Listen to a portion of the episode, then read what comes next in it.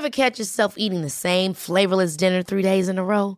Dreaming of something better? Well, HelloFresh is your guilt-free dream come true, baby. It's me, Gigi Palmer. Let's wake up those taste buds with hot, juicy pecan-crusted chicken or garlic butter shrimp scampi. Mm. Hello Fresh.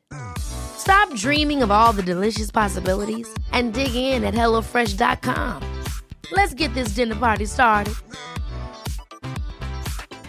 Planning for your next trip? Elevate your travel style with Quince. Quince has all the jet setting essentials you'll want for your next getaway, like European linen, premium luggage options, buttery soft Italian leather bags, and so much more. And it's all priced at 50 to 80% less than similar brands. Plus, Quince only works with factories that use safe and ethical manufacturing practices. Pack your bags with high-quality essentials you'll be wearing for vacations to come with Quince. Go to quince.com slash trip for free shipping and 365-day returns.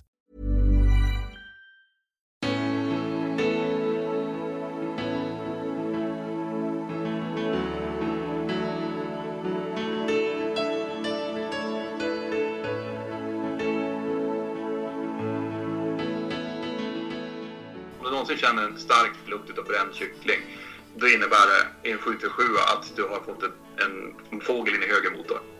Om, om, det, om det luktar bränd kyckling in i cockpit, då har den kommit in i vänster motor. Tänker att jag ska förklara det här så att min mamma förstår ungefär. Sen går jag in och så editerar jag det där och så skickar jag ut det och så helt plötsligt så kommer det liksom hundratusentals människor som tittar på det. Vilket är, det är ju en del utav, av det som är så oerhört fascinerande med sociala medier.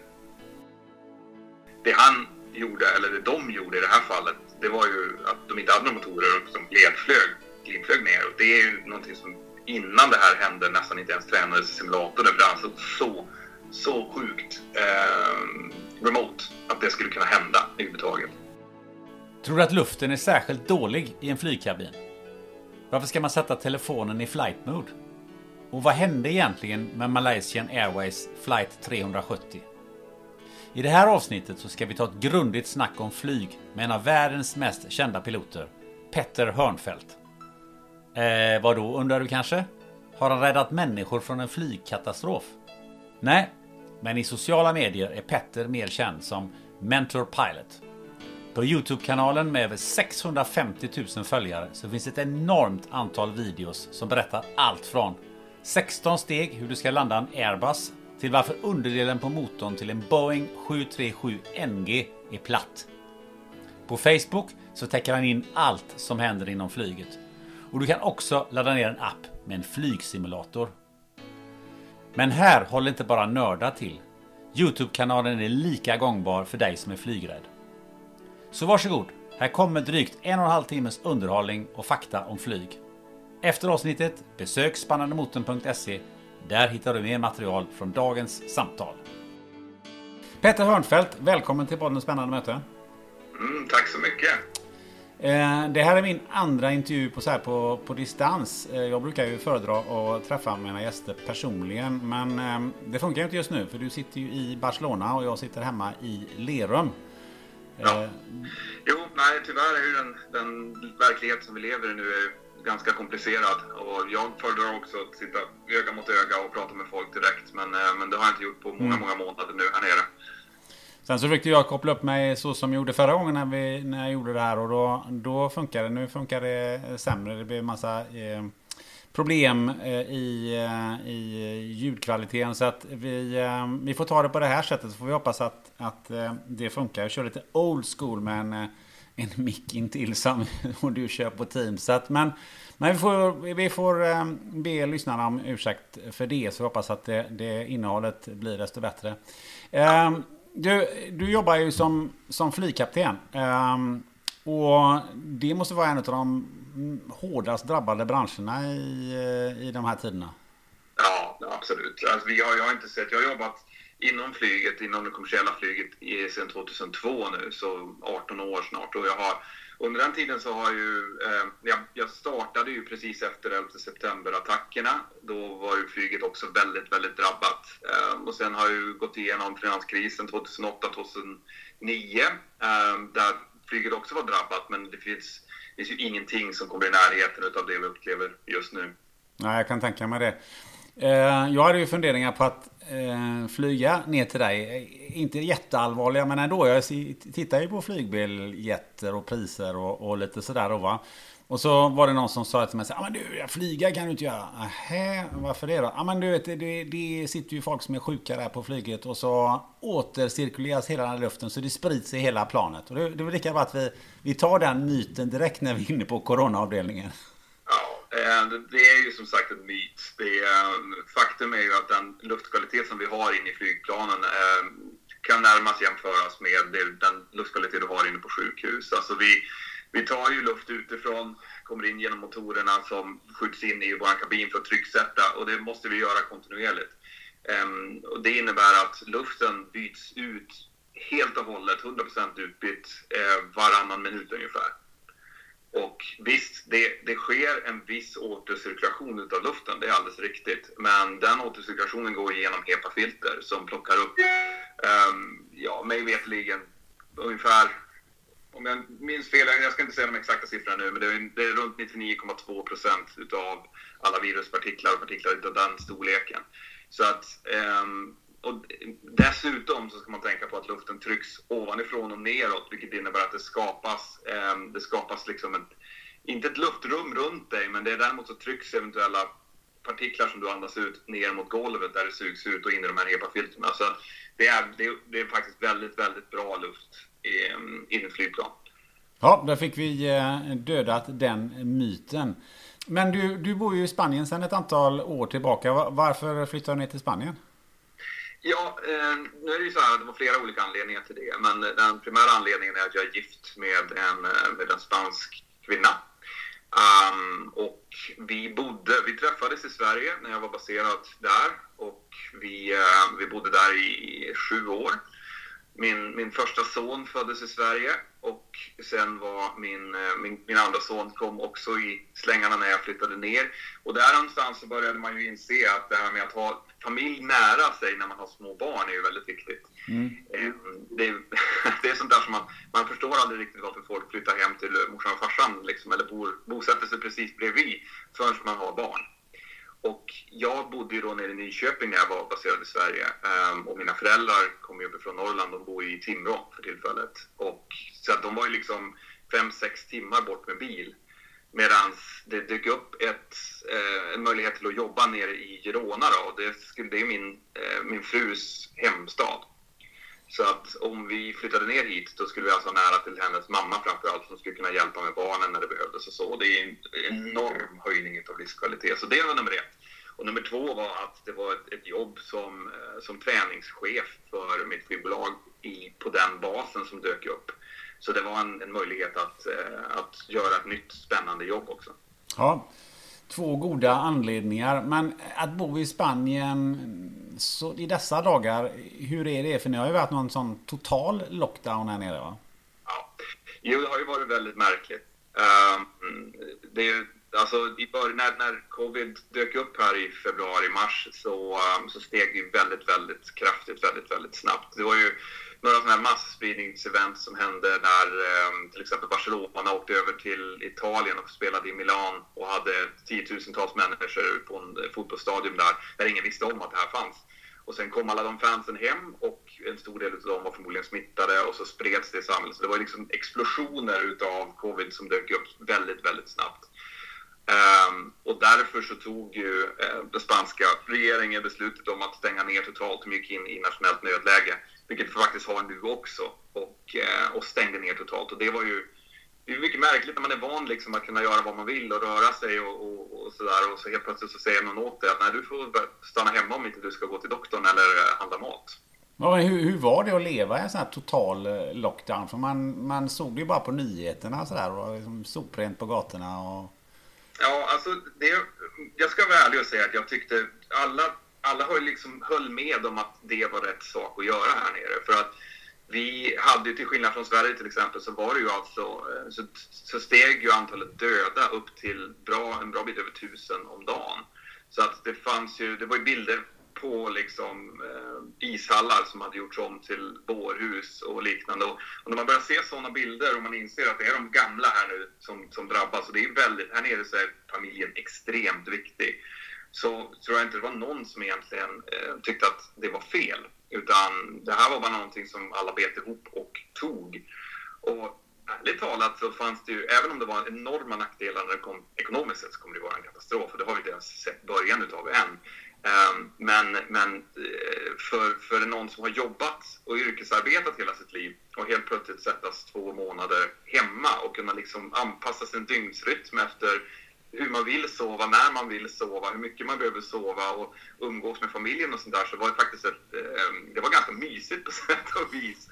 Även om det naturligtvis, från, som sagt, från mitt yrkes eh, synvinkel inte var speciellt bra alls. Men vad gjorde ni om dagarna då? Jo, men det, det, det, det flöt liksom in i någon form av... Alltså, när man normalt sett har skola till exempel för barnen och det är läxor som måste göras och sånt där så då, då, då sätter man ju stopp för hur mycket de får till exempel spela tv-spel och titta på tv och titta på film och sånt där. Men när man ser framför sig ett par månader utav att, att sitta instängd tillsammans då, då släpper man liksom på de där grejerna. Man, måste, man gör helt enkelt det som man själv tycker är roligt och skönt för tillfället. Barnen gör samma sak och man försöker att anpassa sig så att alla kan sitta, sitta och äta tillsammans och alla såna grejer. Men, men det fick liksom flytta på, på minst för att skapa så lite friktion som möjligt. Och, och det funkade faktiskt ganska bra. Alltså, mina två grabbar de tyckte att det var, det var toppen där. De kunde sitta och spela Fortnite med sina kompisar och, och liksom umgås på det viset. Och, och jag och min fru, vi umgicks och läste böcker och tittade på TV och film och, och jag jobbade ju naturligtvis. Jag har ju min, min YouTube-kanal och mina sociala medier så jag kunde ju sitta här inne i kontoret och, och jobba, vilket var fantastiskt. Och sen gjorde ni någon, eh, jag har sett på något, någon film eh, på Instagram, ni gjorde någon inbakad fisk som såg ju helt eh, fantastisk ut i någon sorts salt eller det var bröd eller något sånt där som, som man sen behövde en hammare för att för, för att liksom få loss det. det, ja, men det, här var ju, det här var ju också roligt därför att alla satt ju i den här båten liksom. Så att alla de som hade till exempel här nere så var det, det finns ju jättemycket Michelin-star-restauranger här nere, speciellt runt omkring Girona. Och alla de här satt ju liksom instängda. Och det, det som händer när du tar folk som är ganska kreativa och tvingar dem att sitta inomhus, det är att de hittar sätt att fortsätta med sin kreativitet. Så att min fru började följa en av de här Michelin-kockarna som, som startade upp en YouTube-kanal och liksom körde sina, sina bästa recept på den här YouTube-kanalen. Och det är klart, när det inte finns någonting annat att göra än att laga mat och baka och, och så, då, då är det ju det man gör. Så hon testade på att göra en massa roliga recept till min stora glädje naturligtvis. Ja, den där, såg ju, den såg ju helt fantastisk ut. Var det, var det salt som var runt ja. den? Ja, det... det var sån här eh, rock salt, vad heter det? Eh, vad heter det på svenska? Um, här stort, stora, stora saltkristaller som, som eh, man la in och bakade i ugnen. Och det blev jättegott. Jättegott. Ja, härligt. Det, det där receptet eh, måste vi försöka få fram och den där filmen eh, också. För det var, där måste ni gå in på, på Instagram och kolla faktiskt. det, var, det, var, det var väldigt roligt att se.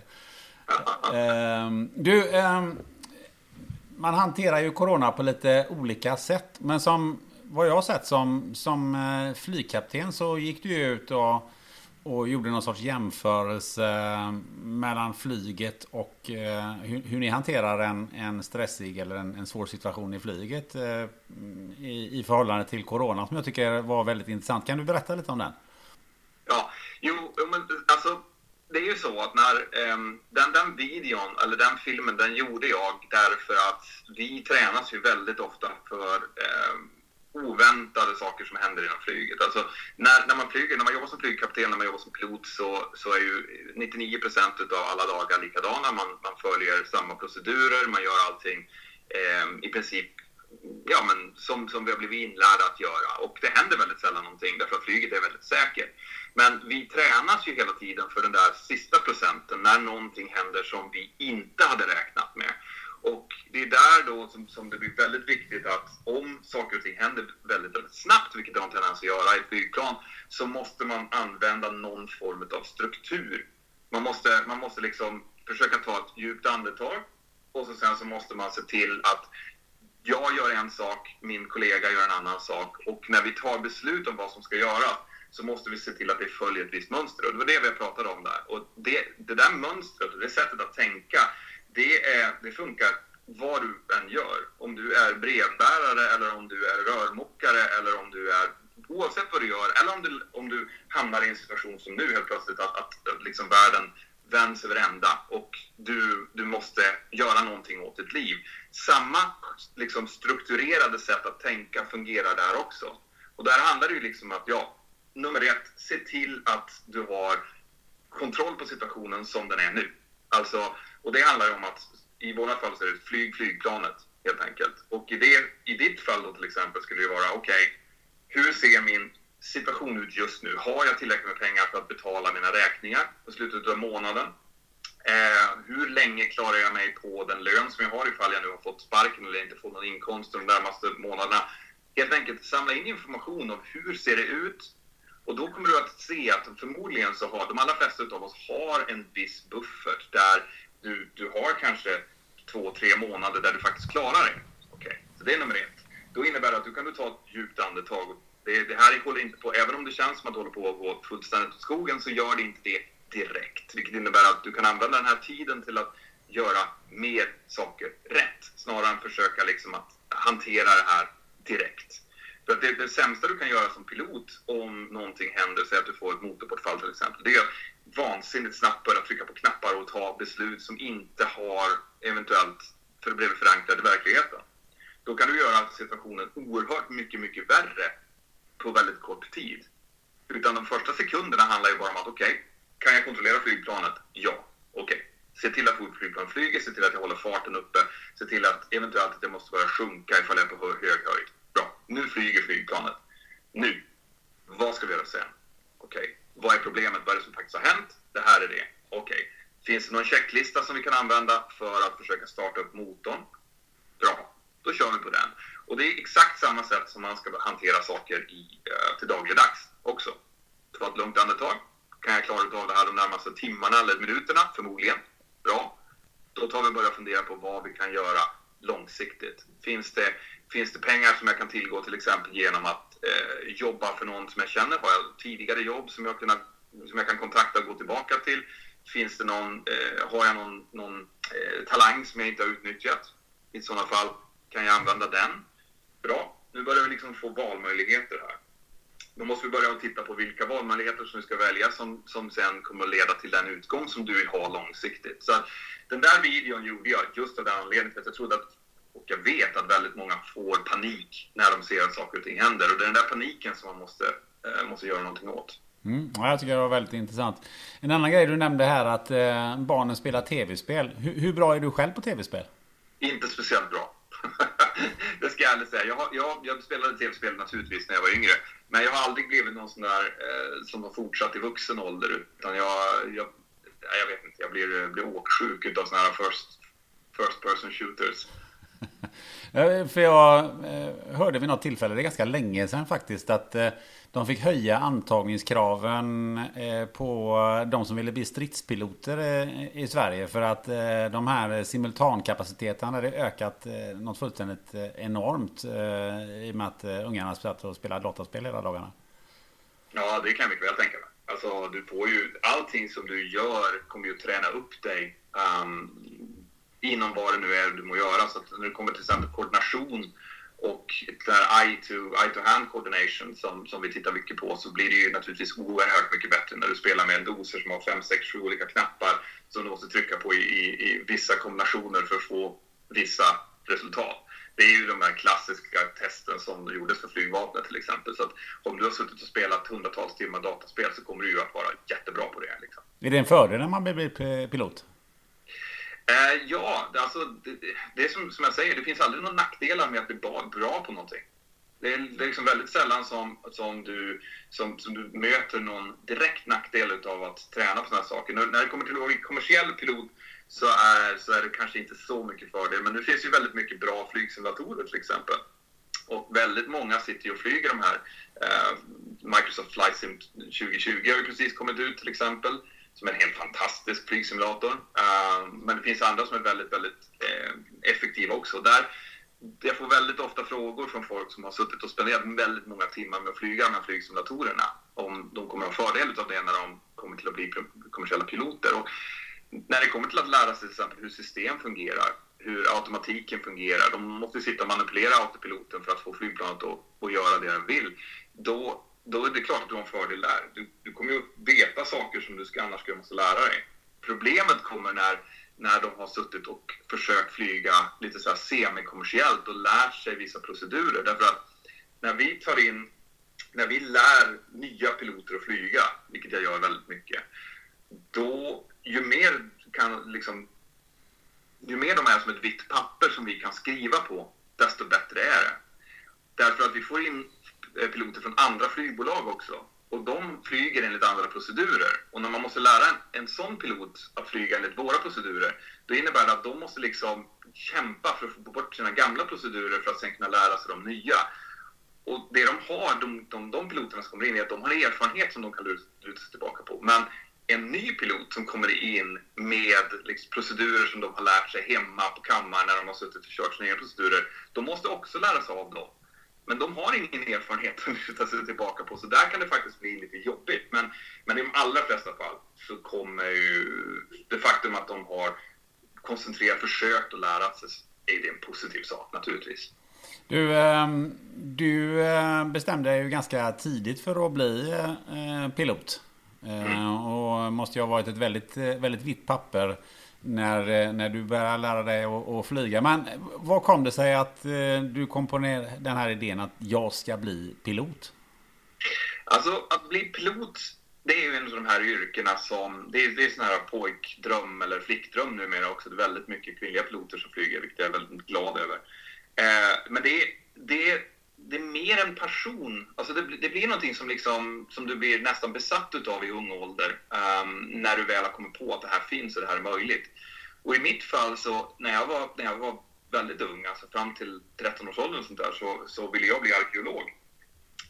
Um, och det hade nog förmodligen mest att göra med att jag hade tittat på mycket Indiana Jones-filmer ungefär vid den tiden. Men, men um, men det var liksom det valet som, som jag hade. Jag tyckte det var jättespännande och såg jätteintressant ut och jag gillar historia och så. Eh, men sen så jobbade min, min far som, eh, han jobbade först som säljare och sen som försäljningschef för ett, eh, ett eh, försäkringsbolag uppe i norra Sverige. Och i det jobbet så var han tvungen att täcka enorma arealer. Han var tvungen att liksom jobba ena dagen i Sundsvall, andra dagen i Övik och sen upp i Luleå och Skellefteå och Lycksele. Alltså i väldigt långa avstånd. Så han insåg där att det skulle ju vara ganska fräckt om man kunde flyga när vädret var bra. Så att han tog ett privatcert um, ehm, då och, och tränade för det. Och i och med det så följde jag med honom när han, upp och, när han, när han gick flygskola och fick följa med några gånger. Och, och, och då blev naturligtvis, alltså, om, du, om du är 13 år gammal och får vara ute och flyga privatflyg så inser du hur sjukt häftigt det är. Och i, som present på min 14-årsdag så, så fick jag en, en testlektion med hans flyglärare.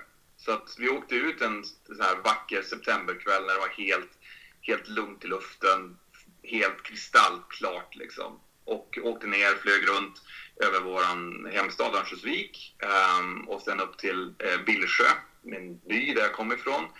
Och jag fick flyga runt och jag fick eh, svänga och göra allting sånt där. Och så sen när vi började närma oss flygplatsen så, så tänkte jag att nu, nu, nu kommer Mats, flygläraren Mats Hagenvall att ta över här och, och, eh, och, och landa. Men han var en, en riktig gammal flyglärarräv så han satt ju bara och, liksom och förklarade. Ja, men nu ska du dra av lite grann på gasen här, nu ska vi ta ner klaffarna, och nu ska du dra lite till och så pitcha upp lite grann. Så att han pratade mig genom hela landningen tills att jag landade. Han han rörde aldrig kontrollen utan jag landade på flygplanet uppe i Örnsköldsvik. Och efter det, då fanns det liksom ingenting annat. Efter, efter den upplevelsen så det var så det var så tydligt så att jag tror till och med att jag sa det till, till pappa då att det här, det här är vad jag ska jobba med.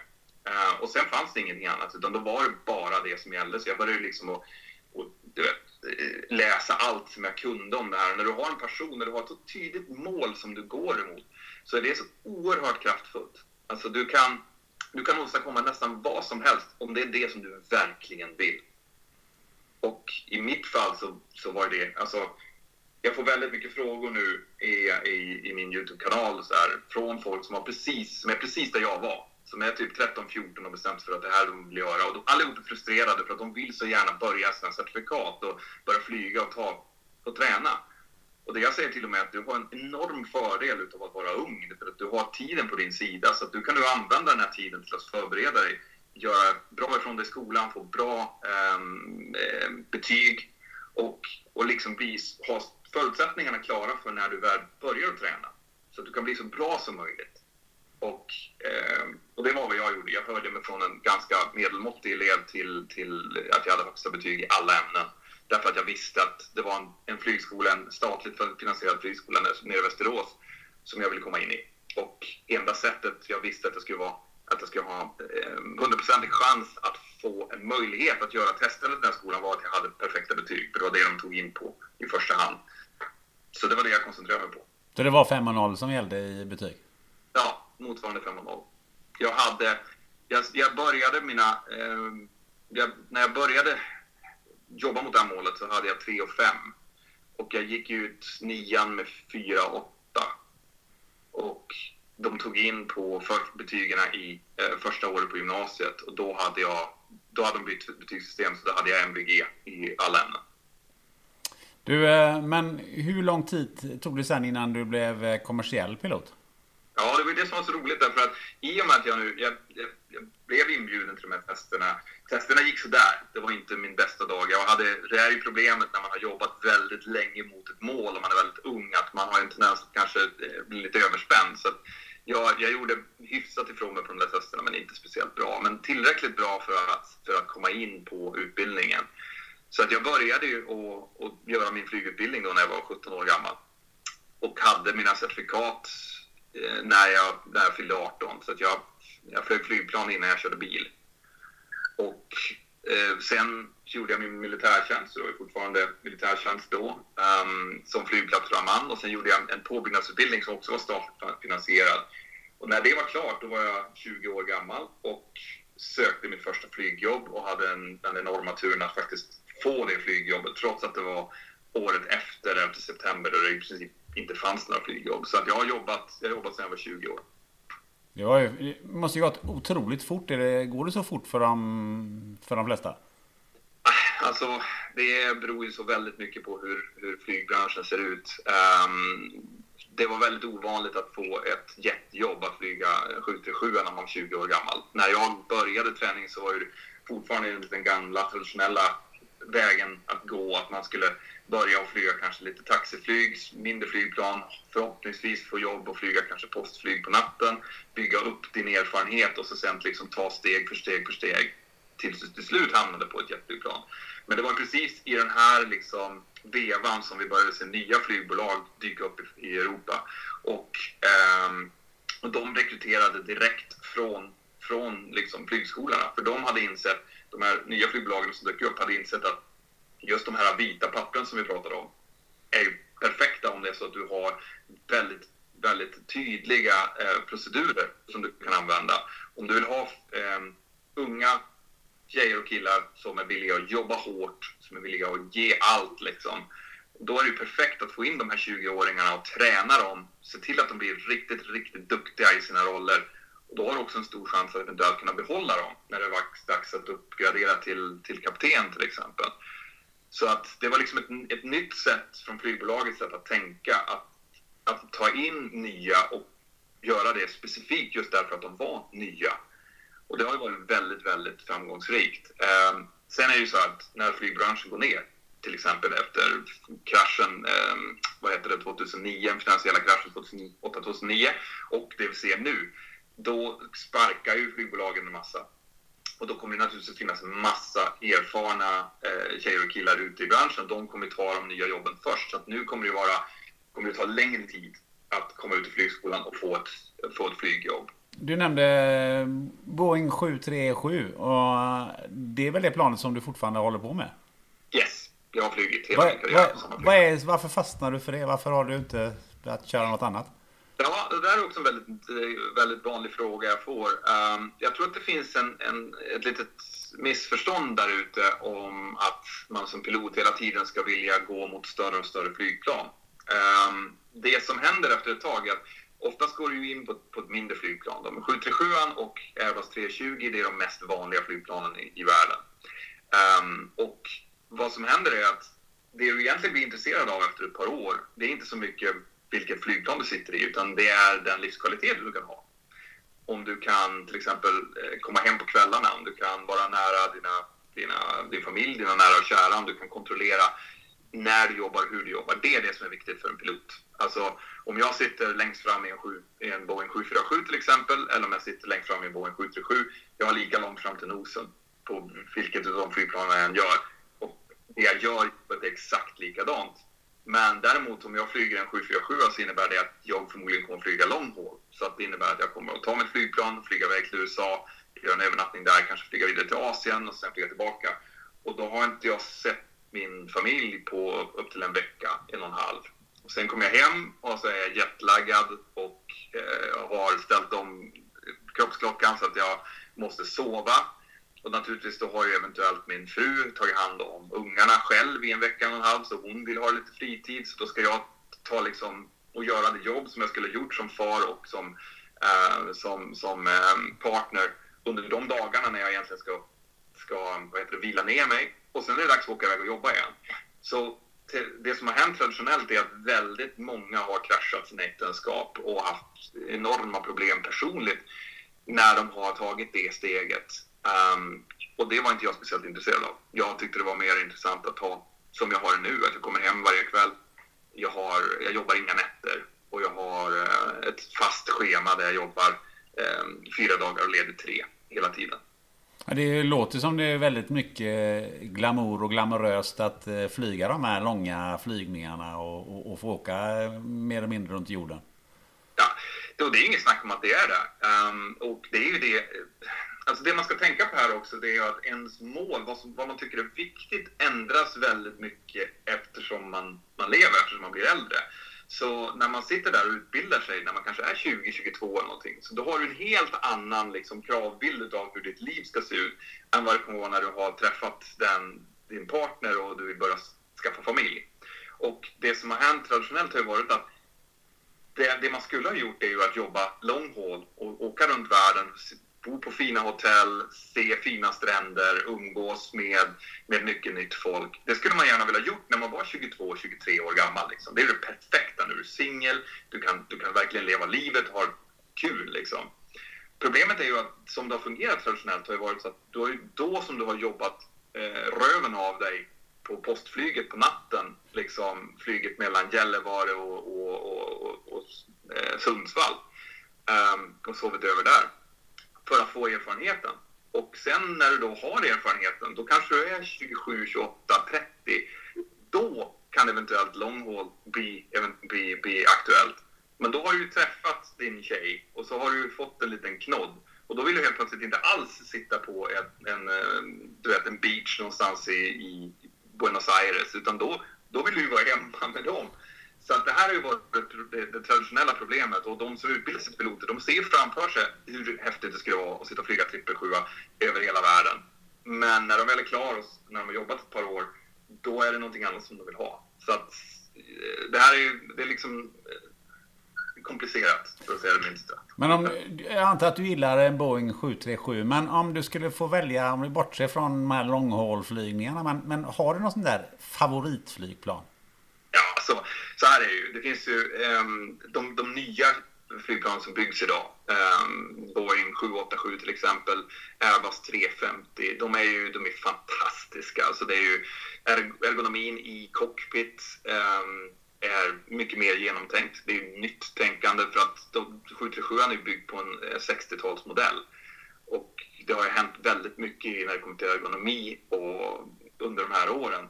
Så att, att få flyga ett, ett nytt fräscht flygplan där de har använt av all den kunskap som vi har byggt upp för att skapa ett bra cockpit och för att flyga ett väldigt effektivt flygplan som är tyst, som är bränsleeffektivt, som flyger bra och där du, har, där du, där du förstår eh, autonom, liksom hur man manövrerar autopilot och liknande på ett bra sätt. Det skulle jag hemskt gärna göra. Sen om man tittar tillbaka så är det ju jag tror inte det finns någon pilot som inte skulle ha velat testa att flyga Concorde till exempel. Ja, överljudsfart måste ju vara speciellt. Ja, både det och... Det, alltså flygplanet är fantastiskt vackert och det sätt som det flyger, den aerodynamik som används där är ju helt annorlunda än det man flyger i när man flyger eh, vanliga 737 till exempel. Så det är absolut. Och kunna ha efterbrännkammare på en kommersiell kommersiell kärra är ju rätt häftigt också. Du, eh, jag tänkte på det eh, med överljudsfart och så vidare. Du funderar aldrig på att bli stridspilot? Nej, um, och det finns en bra anledning till det. Um, att vara stridspilot och vara kommersiell pilot, det är två helt olika saker. Det är, um, du flyger, flyger flygplan i båda jobben, men av helt olika anledningar. Och för att bli stridspilot, då, är du, då ska du vara liksom, du ska gilla den militära delen.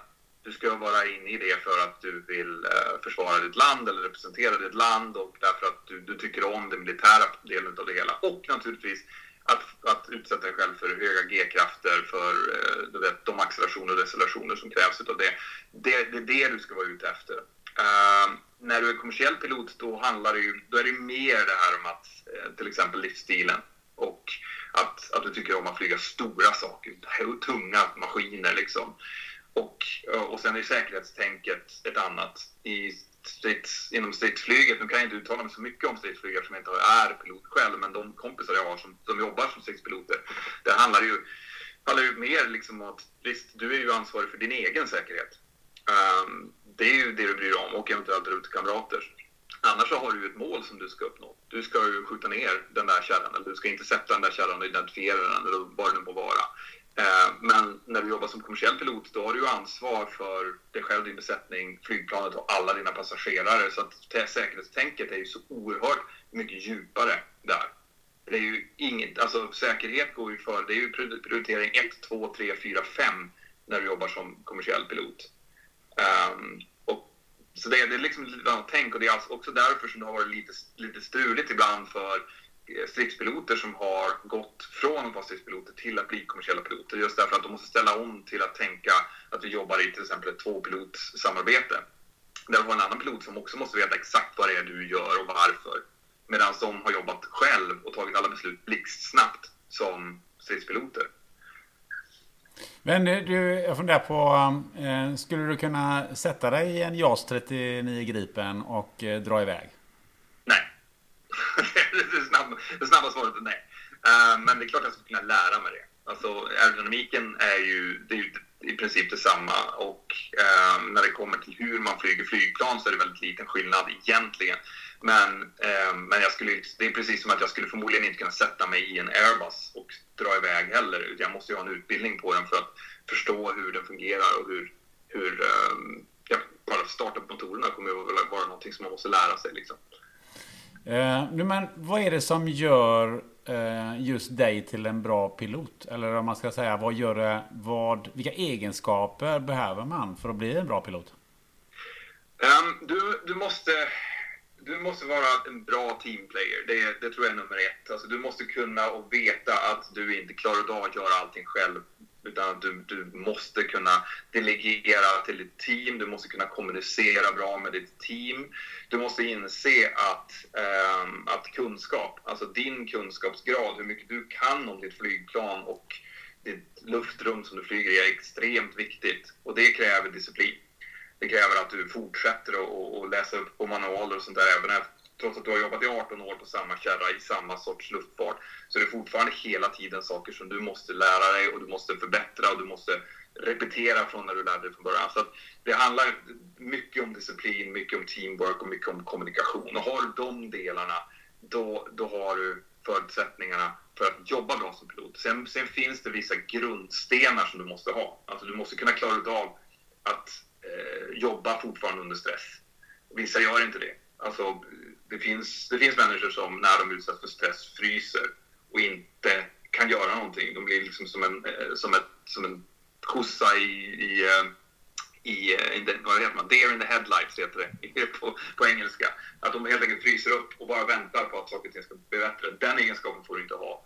Utan du måste kunna fortsätta jobba även när stressen stiger upp till, till väldigt höga nivåer. Men de allra flesta klarar av att ta sig över den där den gränsen. Sen naturligtvis så måste du ha vissa medicinska förutsättningar um, som, som man blir testad på innan man börjar ta sina flygcertifikat. Men har du det och du klarar stress hyfsat bra och du tycker att jo, men jag kan jobba bra tillsammans med andra människor och jag är bra att kommunicera, då har du oftast de förutsättningar som krävs. Jag antar att du hade väldigt bra förutsättningar, men vad har du själv fått jobba med mest med dig själv när det gäller eh, din egen utveckling? Mm.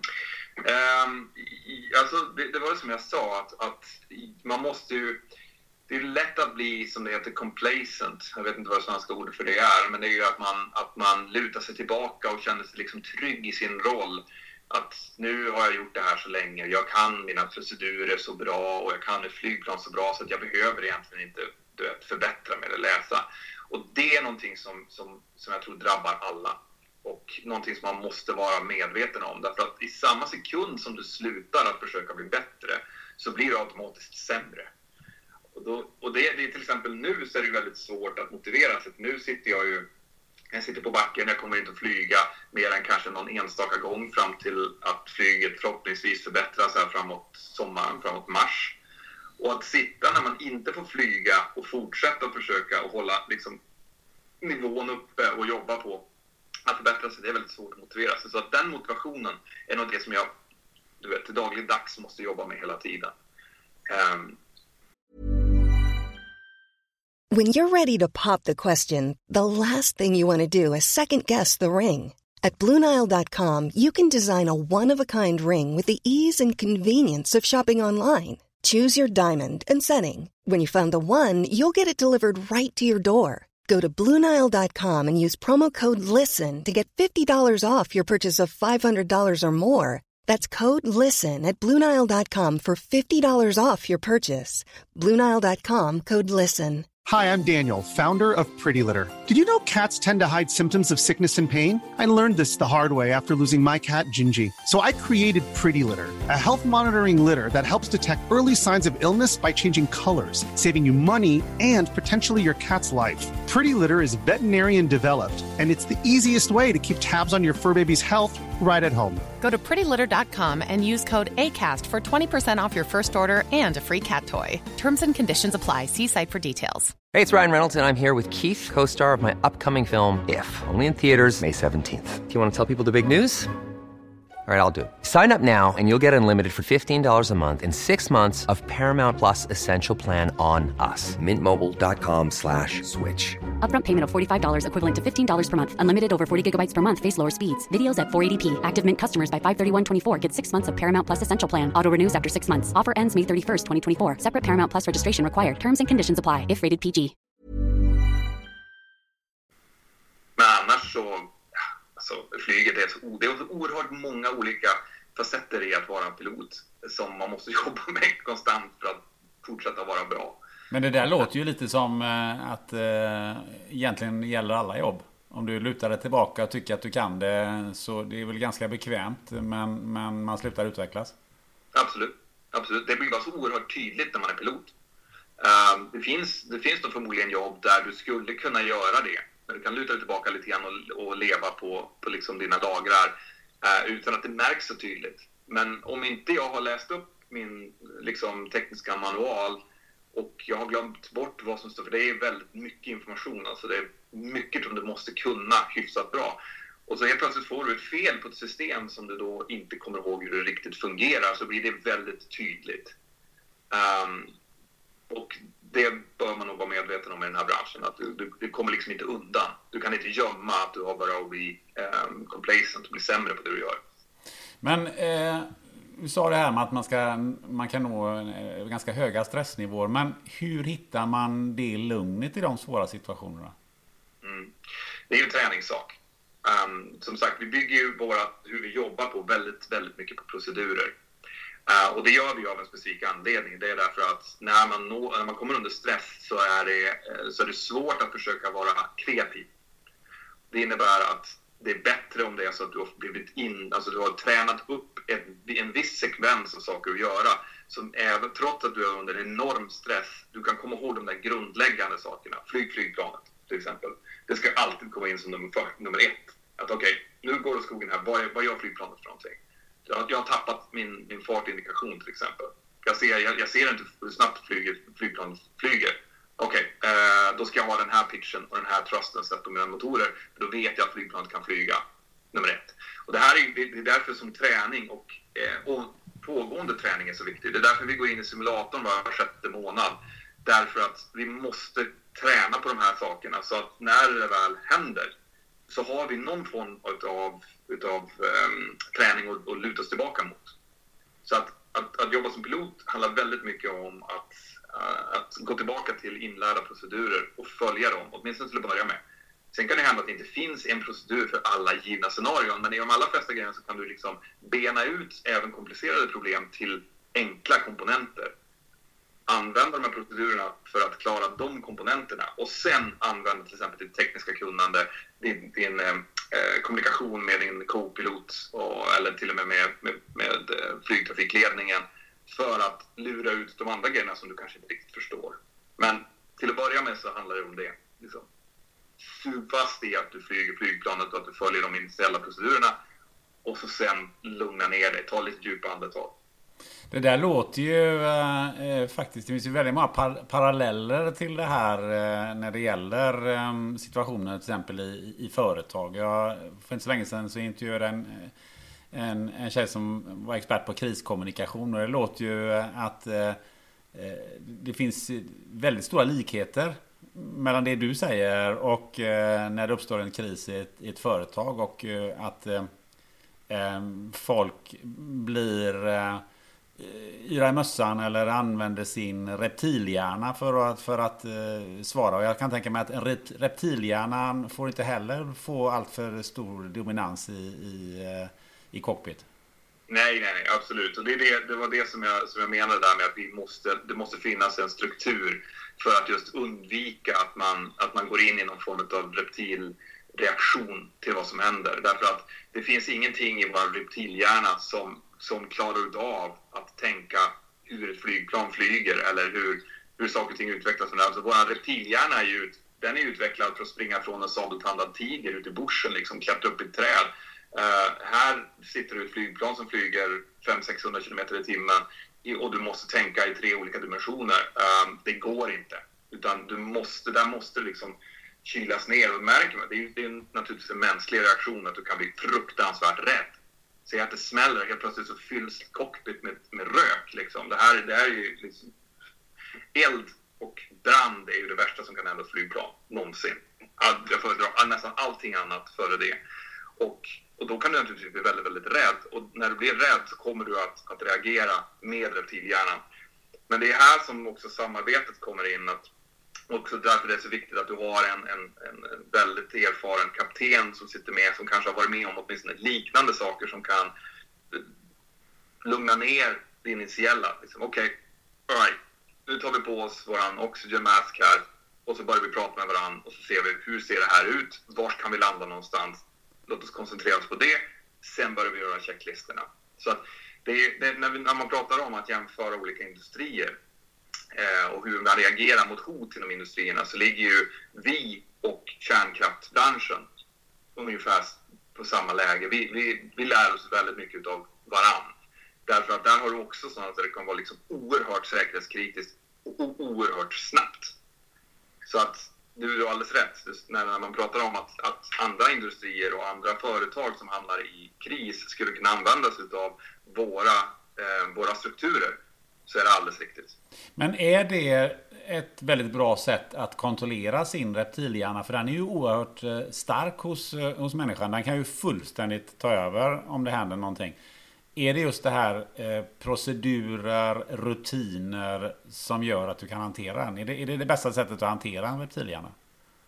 Ja, åtminstone så är det det bästa sättet som vi har kommit fram till funkar för så många människor som möjligt. Alltså det, det man måste veta här är ju också att vår träning, um, även om vi försöker nu, ju mer, trän, ju mer flygträningen utvecklas, desto mer går den mot att bli individuellt anpassad för individen. Men vi måste fortfarande ha träning som ska funka för så många människor som möjligt för att vi gör ju samma, det är samma liksom träningspass för, för mig som det är för de piloter som kommer från London som kör. Vi har ju tusentals piloter som kör träningen på samma sätt och där har de kommit fram till att, att just det, det här sättet att, att attackera det funkar bra för de allra flesta. Och de som det inte funkar bra till, ja men de, de måste vi hitta innan vi rekryterar dem. Alltså det är det här det handlar om, att man måste göra någon form av selection eh, innan folk börjar bli piloter för att se till att de som, de som inte klarat av det här, de, där reptilhjärnan är så stark så att de inte kan lära sig att ta ett djupt andetag och följa procedurer, ja, men de ska inte jobba som piloter. Um, det här med att vara pilot är inte vilket jobb som helst. Finns det något sätt att, som du förbereder dig mentalt för när du, när du ska ut och jobba? Finns det någon sån procedur som du har? Eller, eller känner du liksom att det, ja, men, jag går upp som vanligt på morgonen, jag behöver inte gör någon, någon mind, speciellt mindset uh, mer än att jag går till jobbet? Uh, I början, så det här, är ju, det här däremot kommer ju med erfarenhet att det blir, efter ett tag så har du ju, eh, du, jag har procedurer som jag gör men de är lite mer undermedvetna. Jag, jag stressar inte upp mig för att jag ska fly, kliva upp och flyga på morgonen till exempel. Utan jag går och lägger mig och sover lika bra ändå. Och sen kliver jag upp och, och, och åker till jobbet. Så att visst, det blir ett jobb som alla andra jobb. Men däremot så, um, det som är A och O när det kommer till att genomföra en flygdag bra är ju hur du förbereder dig för den där, det är därför vi spenderar en ganska, vi spenderar en timme innan vi flyger med att gå igenom tillsammans med besättningen till exempel hur vädret ser ut, om det finns några speciella grejer för dagen som, som vi måste tänka på och så vidare. Och jag gör det ännu tidigare. Jag börjar ju dagen, om jag ska flyga på morgonen så börjar jag ju kvällen innan och liksom så här, försiktigt med telefon plockar upp och tittar på hur ser vädret ut eh, imorgon för flygplatsen ska åka ifrån, åka till. Är det till exempel mycket dimma som, eh, som är eh, forecastad över Tyskland om jag ska åka dit. Ja, men då börjar jag fundera, liksom, finns det någon del av Tyskland som det är lite mindre dimma på? För att jag vet att där måste jag hitta mina alternativ imorgon. Så att ju mer jag förbereder mig, desto lugnare kommer jag vara och desto bättre beslut kommer jag att kunna ta. Så att det är en annan del utav, flyg, eh, utav flyget som, som tar väldigt mycket tid som, som är, eh, och som jag försöker lära ut så gott jag kan även till folk som följer min kanal det är ju just att ju bättre förberedd du är, ju mer du förbereder dig, desto lättare kommer jobbet att vara. Det värsta som kan hända är ju när du dyker på någonting som du inte hade aning om skulle komma. Alltså, man kommer till en destination som man trodde att vädret skulle vara bra på, så helt plötsligt är det helt fyllt med dimma och vi kan inte landa där. Vi hade inte tagit tillägg, eller vi hade inte tagit soppa för att hålla där, utan vi måste nu gå direkt till vårt alternativ och vi har inte mentalt förberett oss för det. Det är en tråkig situation att vara i. Men om jag vet att det är dåligt väder dit jag ska, ja, men då tar jag ju lite mer bensin så att jag kan sitta och hålla ett längre tag så jag kan ta ett bättre beslut. Och dessutom så kommer jag att sitta och diskutera det med min styrman under större delen av flygningarna. Okej, okay, ja, hur ska vi gå dit? Tänk om vi måste diverta, då måste vi prata med vårt bolag för att se till så att vi fixar bussar till våra passagerare. Flyg, jag vet flygvärdinnorna måste veta att det här är på väg att hända så att de kan förbereda sig. Så allting handlar ju om hur du förbereder dig. Men vad gör du om när du vaknar på morgonen eller säger så att jag har sovit fruktansvärt dåligt eller jag känner mig lite risig eller, eller det här. Man har ju inte alltid den bästa dagen när man vaknar. Det finns ju många orsaker till att du kan ha sovit dåligt till exempel. Ja, eh, du måste ju fråga dig alltid. Eh, är jag liksom fit for flying? Är jag, är jag tillräckligt, känner jag mig tillräckligt bra för att, för att kunna genomföra dagen?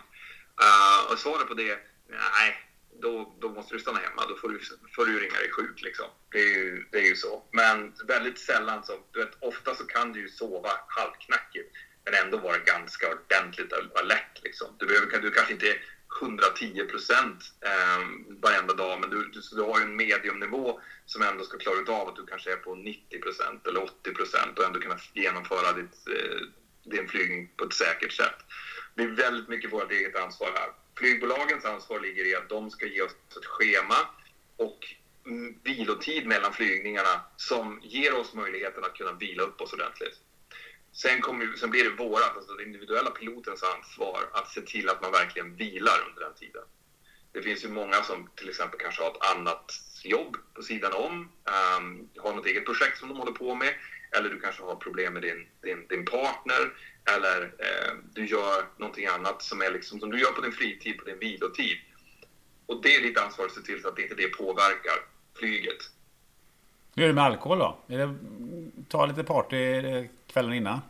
Nej, men däremot på helgen när du är ledig fyra dagar så kan du göra precis som du vill. Um, det, det, den, det, det, finns väldigt tydliga regler för hur mycket alkohol du får ha i blodet och det är ju i princip noll. Um, den tanken som, och den, den liksom guidance som vi har är att du ska kunna köra bil åtta timmar innan du flyger. Du ska vara liksom tillräckligt nykter och må tillräckligt bra minst åtta timmar innan du flyger för att du ska kunna flyga sen. Liksom. Och det innebär ju att du dricker, jag dricker ju ingenting dagen. Alltså, jag kan ta en, en lätt öl till maten dagen innan kanske. Men där någonstans någonstans liksom går gränsen. Du har ju nämnt eh, lite kort att du har en social eh, kanal också. Eh, och som heter Mentor Pilot har jag sett. Vad, hur kom du på den grejen? Ja, det är, det är mycket credit till min fru faktiskt. Um, jag, jag har allt, alltså det, det, finns olika delar i det här. Dels så, um, så bodde jag nere i Nyköping. Jag startade upp den här kanalen för fem år sedan ungefär. Och um, hade väl inte så mycket att göra på fritiden helt enkelt. Jag, jag hade liksom fru och mina barn och sådär, men jag kände att jag, jag, jag har väldigt mycket kreativitet som jag måste få utlopp för. Jag måste göra det på något sätt. Uh, så min fru tyckte väl att, ja men ska du inte Ska du inte göra något? Ska du inte starta upp någonting? Du kan väl ha en YouTube-kanal eller någonting. Så det var hon som egentligen tände, tände idén till att jag skulle starta det. Men sen så har jag alltid varit dels intresserad av entreprenörskap. Att kunna driva någonting själv tycker jag är jätte, jättespännande. Uh, och dels så, um, så är jag ju i min roll som träningskapten och som, som instruktör. Um, så jag tycker om att lära ut. Liksom. Jag tycker om att förklara saker för folk det är någonting som jag, som jag alltid har tyckt har varit, varit roligt. Och sen på det så var jag ute och tittade lite grann på sociala medier då, innan jag startade det här och insåg att sociala medier var förmodligen framtiden. Alltså att det kommer att bli mer och mer viktigt, inte mindre och mindre viktigt. Och när man gick ut och sökte efter till exempel hur det är att vara pilot så hittar man ju bara ganska snabbt till olika forum där folk var enormt negativa. Och jag frågade mig, liksom, jag, jag älskar mitt jobb och tycker att det är jätteintressant. Hur kommer det sig att det är så mycket folk här ute som säger att det är skit? Och det man, det man väldigt snabbt insåg, det var ju att alla glada och trevliga och lyckliga piloter, de var ju inte ute på internet. De var ju hemma och spelade golf eller ute med flickvännen eller gjorde någonting annat bra. Det var bara de som var frustrerade och missnöjda som gick ut på internet. Vilket innebär att du fick en väldigt, väldigt skev bild av hur det var att vara pilot. Man kunde gå in och fråga, hur är det att jobba på SAS? Och det var liksom, det är skit. Ja, men när du jobbar på British Airways då? Ja, ah, det är också skit. Och det, det var bara det som man hittade. Jag insåg att alltså, unga människor som kommer in och kanske vill bli piloter, de kommer ju först att gå och googla på hur det är att vara pilot. Och när de googlar på det och kommer till de här forumen, forumen och ser liksom att det sitter bara en massa, massa medelålders gubbar, ärligt talat, som är skitmissnöjda här. Ja, men då kanske de väljer att göra någonting annat. Och det här kan ju vara jätte, alltså, potentiellt jätteduktiga piloter som vi behöver i branschen. Så jag tänkte, jag, jag startar upp någonting som, som ger min bild av det hela. Den är inte bara rakt av positiv, den är, den är ärlig eh, från min synvinkel.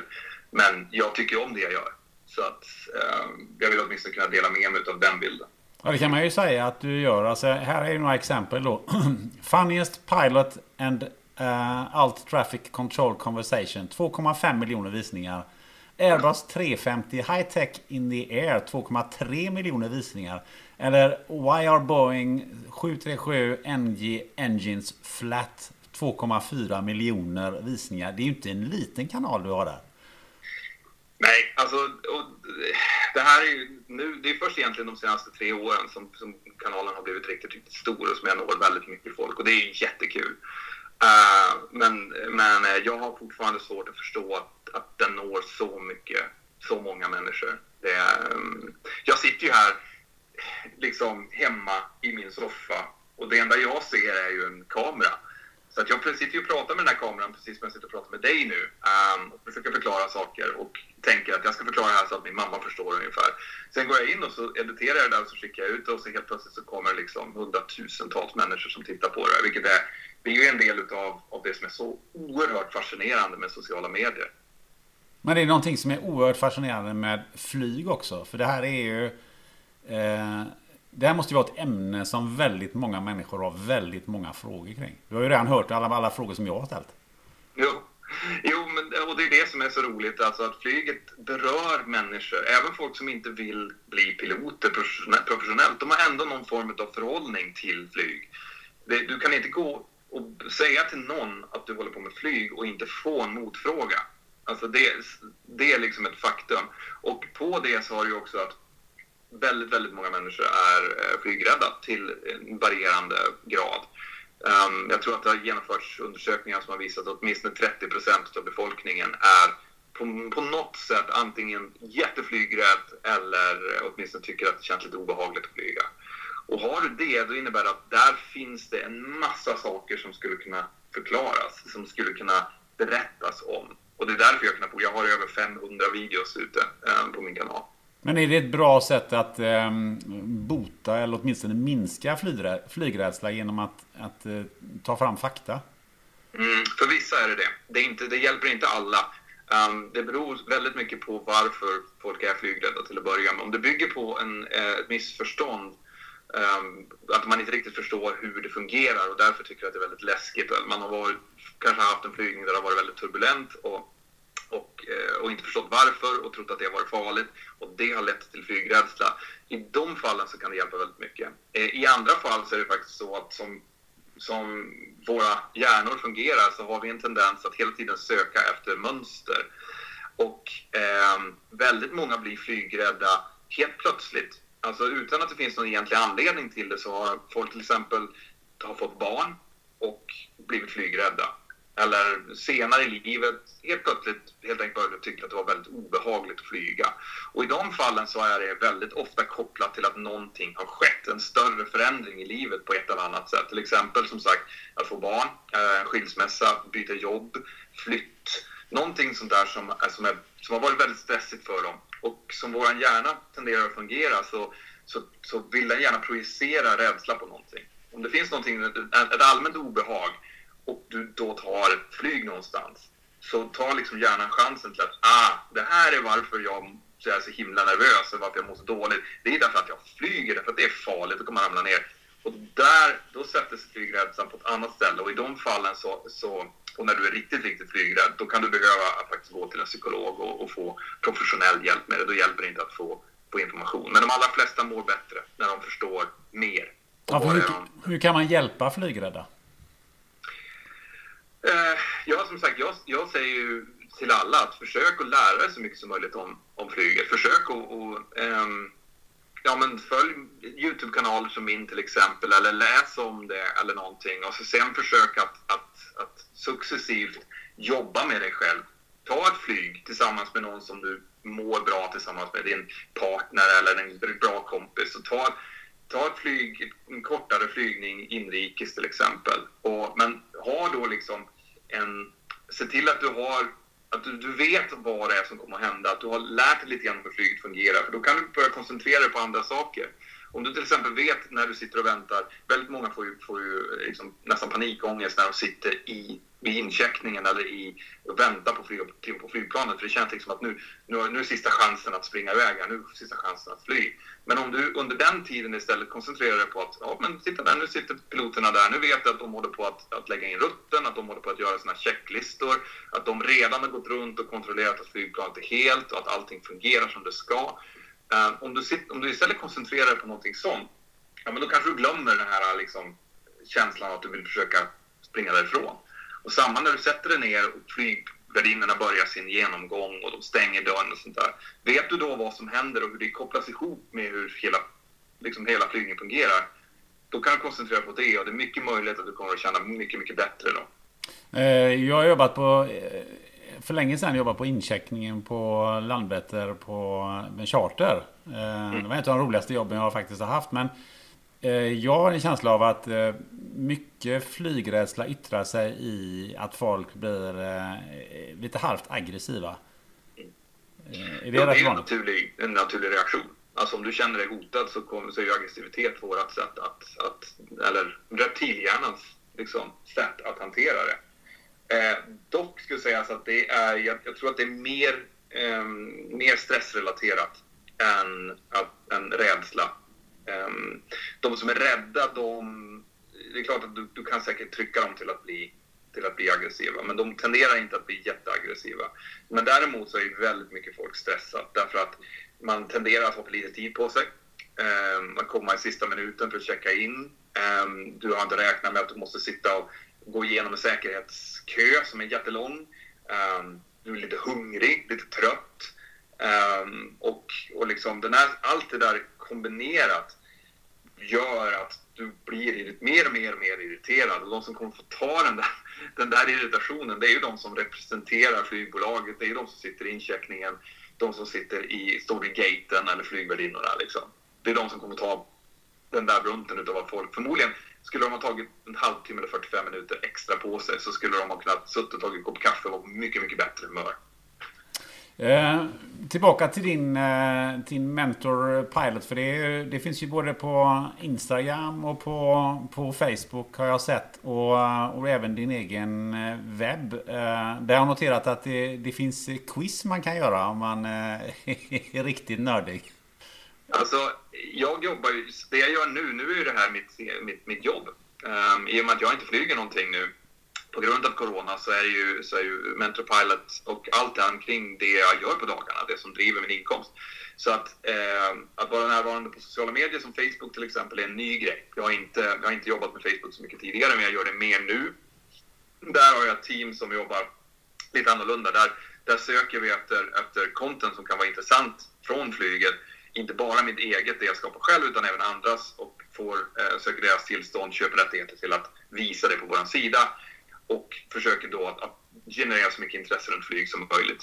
Min YouTube-kanal, där handlar ju om att jag förklarar saker. Det kan vara allting från eh, till exempel krascher som har hänt, där jag går igenom eh, Final Report, alltså den rapport som har gjorts efter att, eh, efter att undersökningen av flygkraschen har blivit färdigställd. Och eh, jag förklarar olika system och jag pratar om nyheter om saker som har hänt inom flygbranschen och hur jag ser på det. Så den, min, min Youtube-kanal är väldigt mycket mer kanske professionellt inriktad. Eh, och sen har jag min, min app då, Mentor Aviation. Och den är både en, en, eh, en nyhetsapp där du, om du har den så får du reda på i princip allting som händer inom flygbranschen. Du kan bara scrolla för att få nyheter där. Men det är också en social app där folk som är flygnördar och flygintresserade kan sitta och diskutera saker med varandra. Ehm, och sen min webbsida där jag, där jag har ett team anställt för att skriva artiklar om vad som händer inom flygbranschen. Så det är, väl, det är liksom många grenar utav Mentor Pilot just nu. Och egen merch har du också? Ja, absolut. det är helt fantastiskt tycker jag. Du, eh, du sa så att det är, de senaste tre åren som Youtube-kanalen har, har liksom flugit. Hur länge har du haft den? Ja, ungefär fem år. Fem år? Så det, och det här är någonting, om man nu är, en, om man är en, eh, någon som vill starta upp sin egen YouTube-kanal där ute och, eh, och tycker att, det, det, kan man nämligen göra om precis vad som helst idag. Alltså om du är rörmokare och väljer att göra YouTube-videos om hur man installerar toaletter och, och förlänger rör och så vidare så kommer du att bli stor förutsatt att du är bra på det du gör. Det är inget snack om den saken. Men det som är väldigt, väldigt viktigt här är att i början så kommer man att vara dålig på det man gör. Man kommer suga ganska hårt. Liksom. Och eh, det måste man veta om och du måste liksom bara köra igenom det. Du blir kontinuerligt bättre. Om jag tittar tillbaka på mina första videos så är de ju horribla i kvalitet jämfört med det jag, det jag skickar ut nu. Och eh, hemligheten är ju att i början så kommer du suga men det är inte så himla många som kommer att se det. För att du kommer inte ha några subscribers, du kommer inte ha så mycket views.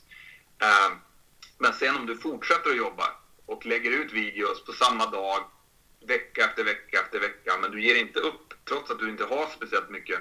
Jag menar, jag, jag drog inte in några pengar på Youtube de första åren. Liksom. Det var kanske en kopp kaffe i månaden på sin höjd.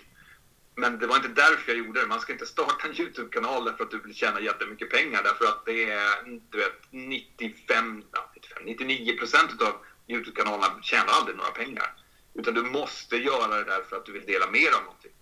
Du vill ge någonting till din publik. Du är duktig på någonting och du vill förklara för folk vad du gör.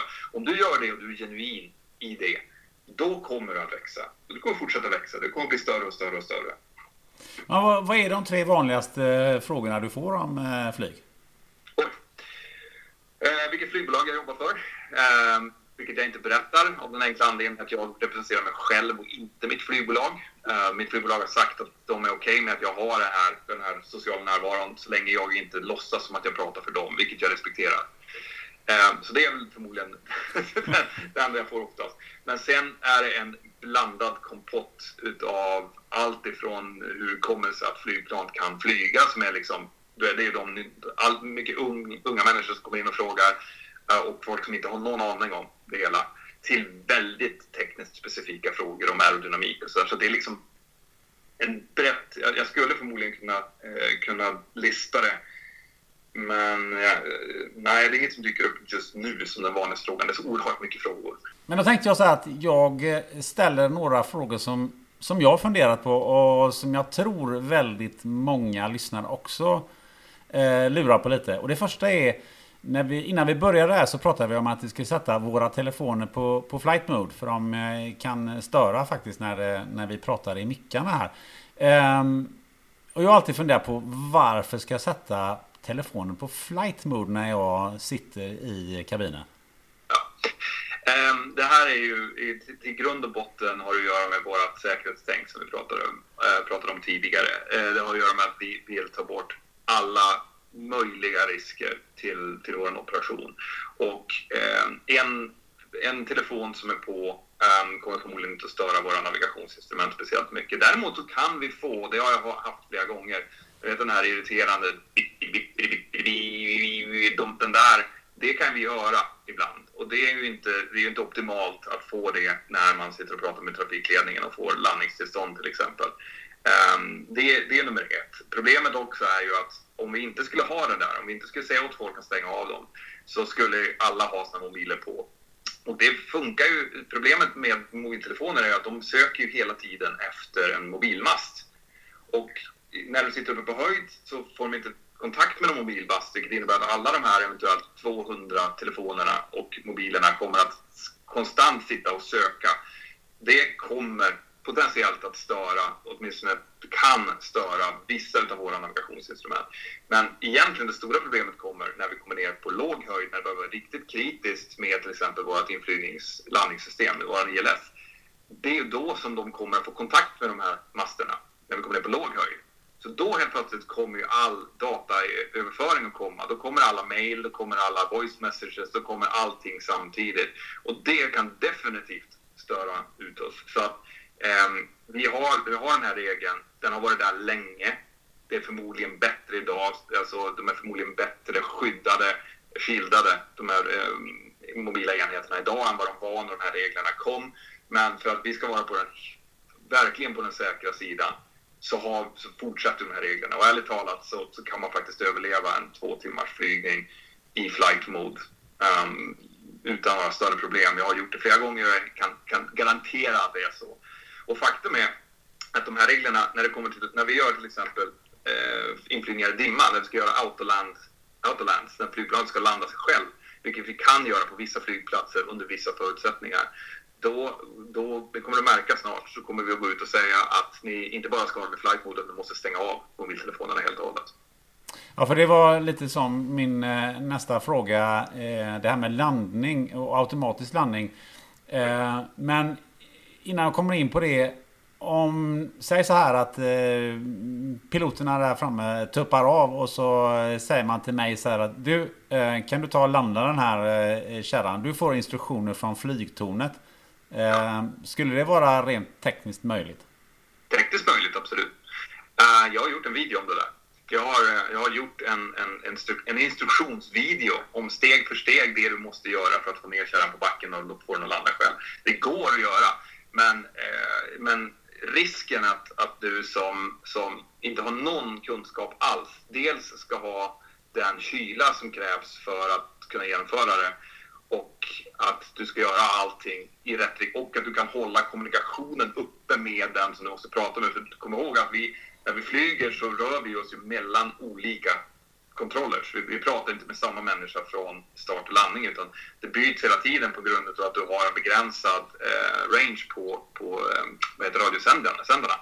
Så att det, det, finns liksom det finns flera problem med det. Um, så att tekniskt möjligt ja.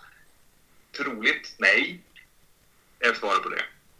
Eh, men hur är det med automatisk landning? Eh, skulle man inte kunna eh, styra planet, alltså egentligen från, från backen, alltså göra en automatisk landning med mig sittande i cockpit? Nej, inte idag. Det finns inga, det finns inga, uh, inga system där du kan fjärrstyra flygplan idag. Och det ska man vara väldigt nöjda med. Därför att uh, om du tänker på de, de tekniska möjligheterna för att göra det finns naturligtvis. Jag menar, amerikanska alltså väldigt många av flygvapnen flyger ju drönare idag och genomför operationer på andra sidan världen remote. Så att det är klart att det går. Problemet här har att göra med datasäkerhet. Du vill inte hamna i en situation där någon hackar din radiosignal och kan börja styra flygplan från marken. Um, och där i ligger ju den, den, största delen av problemet. Att det här, det finns inget liksom, idiotsäkert system än så länge för det här. Och därför så ser vi det inte. Ja, för det är, det är lite min nästa eh, tanke. AI är ju på frammarsch. Eh, mm. Skulle man kunna tänka sig att man kan flyga eh, trafikflygplan utan eh, pilot i framtiden? Ja, absolut. Man ska inte, man ska inte sitta och, och, och tro liksom att, att något yrke inte kan ersättas av artificiell intelligens. Det finns inget yrke som, som genomförs idag eh, utom möjligtvis liksom människa till människa eh, vård som, som inte kan ersättas helt och hållet utav eh, artificiell intelligens om den är tillräckligt bra. Däremot så finns det flera frågor angående kommer folk att acceptera det? Alltså kommer du att känna dig, känna dig trygg utav att sätta dig i ett flygplan där det inte sitter någon där framme när du precis har, har liksom varit tvungen att, att uh, resetta din, din Mac-dator därför att det var någonting som blev fel. Det är ju, det är ju den, det är liksom fråga nummer ett. Eh, sen, sen kommer det sådana saker som regelverk och vem kommer vara ersättningsskyldig om någonting går fel? Kommer det vara flygplanstillverkaren? Kommer det vara flygbolaget? Kommer det vara den som gör din software som kommer vara den som måste stå för notan ifall en flygbolag, äh, flygplan kraschar för att den här teknologin inte fungerar? Eh, det är nästa fråga. Sen ska regelverket sättas så att flygplan som flygs utan piloter kan flyga tillsammans med flygplan som flygs av piloter och det ska ske på något form av säkert sätt. Så att det jag har sagt är att förutsatt att man kommer på alltså, att du kan utveckla artificiell intelligens som faktiskt är intelligent, alltså som, som kan ta egna initiativ och ta egna beslut. Förutsatt att du kan göra det, vilket du inte kan just nu, så pratar vi fortfarande om kanske 20-30 år innan det är det vanliga. Innan det är vad vi liksom kan, kan förvänta oss att se. Därför att du ska byta ut flygplansflottor också. Och det ska finnas en, en en fördel, ekonomisk fördel för flygbolagen att byta sina befintliga flygplan som de har betalat hundratals miljoner dollar för till ett flygplan som har, inte har pilot, som eventuellt folk inte kommer att vilja flyga med och som kostar ytterligare hundratals miljoner dollar. Så det är väldigt, väldigt, det här, folk har, den här frågan är faktiskt väldigt vanlig. Och, och där, där har man liksom en idé utav att bara den här teknologin finns så kommer det liksom bytas sådär. Men så är det inte. Inom flyget, jag har jobbat två, nästan två årtionden nu och väldigt lite har ändrats. Alltså det, har väl, det är väldigt lik, vi flyger på väldigt liknande sätt nu som för 20 år sedan. Medan eh, teknologin, den, eh, dat, alltså datachip, möjligheterna som man har med den teknologi som finns har utvecklats exponentiellt. Men flyget ser inte likadant ut. Och det är därför att det tar väldigt lång tid att ändra saker inom flyget. Men skulle man kunna tänka sig att eh, man som pilot flyger med AI som stöd? Yes. Det kommer att vara första steget. Um, det, det, första steget som kan se, och det här, här, här beror lite grann på hur, hur behovet ser ut.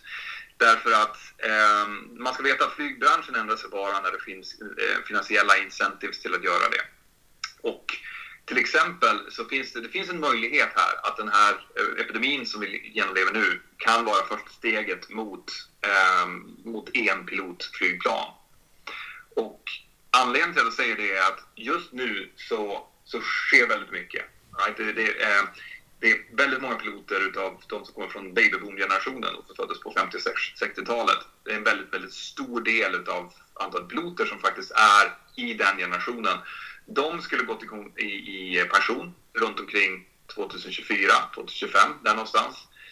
Väldigt många av dem kommer nu att gå i pension i tid, alltså tidigare därför att de förlorar sina anställningar, de får deal med sina flygbolag att nej, men, du får tidig pension här istället för att vi ska hålla dig kvar. Så den delen utav, alltså det är en väldigt stor grupp av piloter som försvinner ut från marknaden.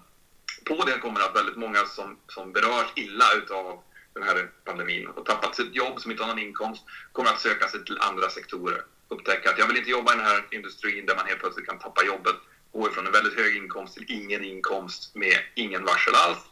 Så att många kommer att lämna och kanske börja jobba på, inom mina andra industrier. Så att då tappar vi ytterligare folk där. Om du på det lägger att mm, folk inte vill utbilda sig till piloter, för det kostar fortfarande i runda slängar 800 000 till en miljon svenska kronor att bli pilot idag om de som sitter där ute ser att jag vill inte, alltså den här branschen ser inte så kul ut och folk får sparken och får inte någon inkomst och jag vill inte ta ett lån för att bli pilot som är upp till en miljon och sen hamna utan jobb. Ja, men då har ju ingen som utbildar sig. Om man nu ser att den här pandemin blåser över och vi kommer tillbaka till en växt, eh, till, till att flyget växer, vilket det har gjort under de senaste årtiondena. Näst, alltså, det har kontinuerligt växt år för år. Då kommer det behövas piloter helt plötsligt. Och de piloterna finns inte på, i branschen och de har inte blivit utbildade. Vilket innebär att det skulle kunna teoretiskt sett leda till, och nu pratar vi kanske 2025, 2026, leda till att helt plötsligt så är det, det finns inga piloter att få tag på när, när de här bolagen som kommer att komma upp, som kommer att växa med det här, behöver dem. Då finns det helt plötsligt ett incentiv att gå till ett enpilotsystem. Och det är någonting som, som Airbus och Boeing har varit tydliga med att de jobbar med. Där, där det ska sitta en pilot, en kapten, som ska flyga flygbolag, eller flygplanen.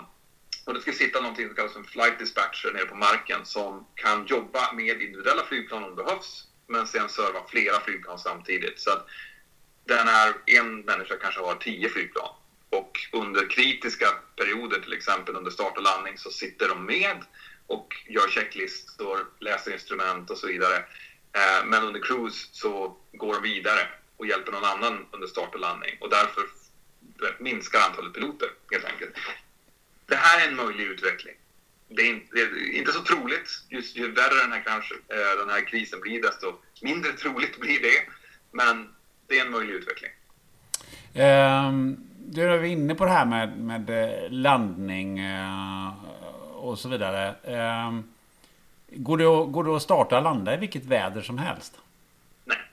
Ehm, vi har väldigt tydliga regler för, för ehm, våra, vilka väderminima vi har, både vad det gäller sikt och vad det gäller vind.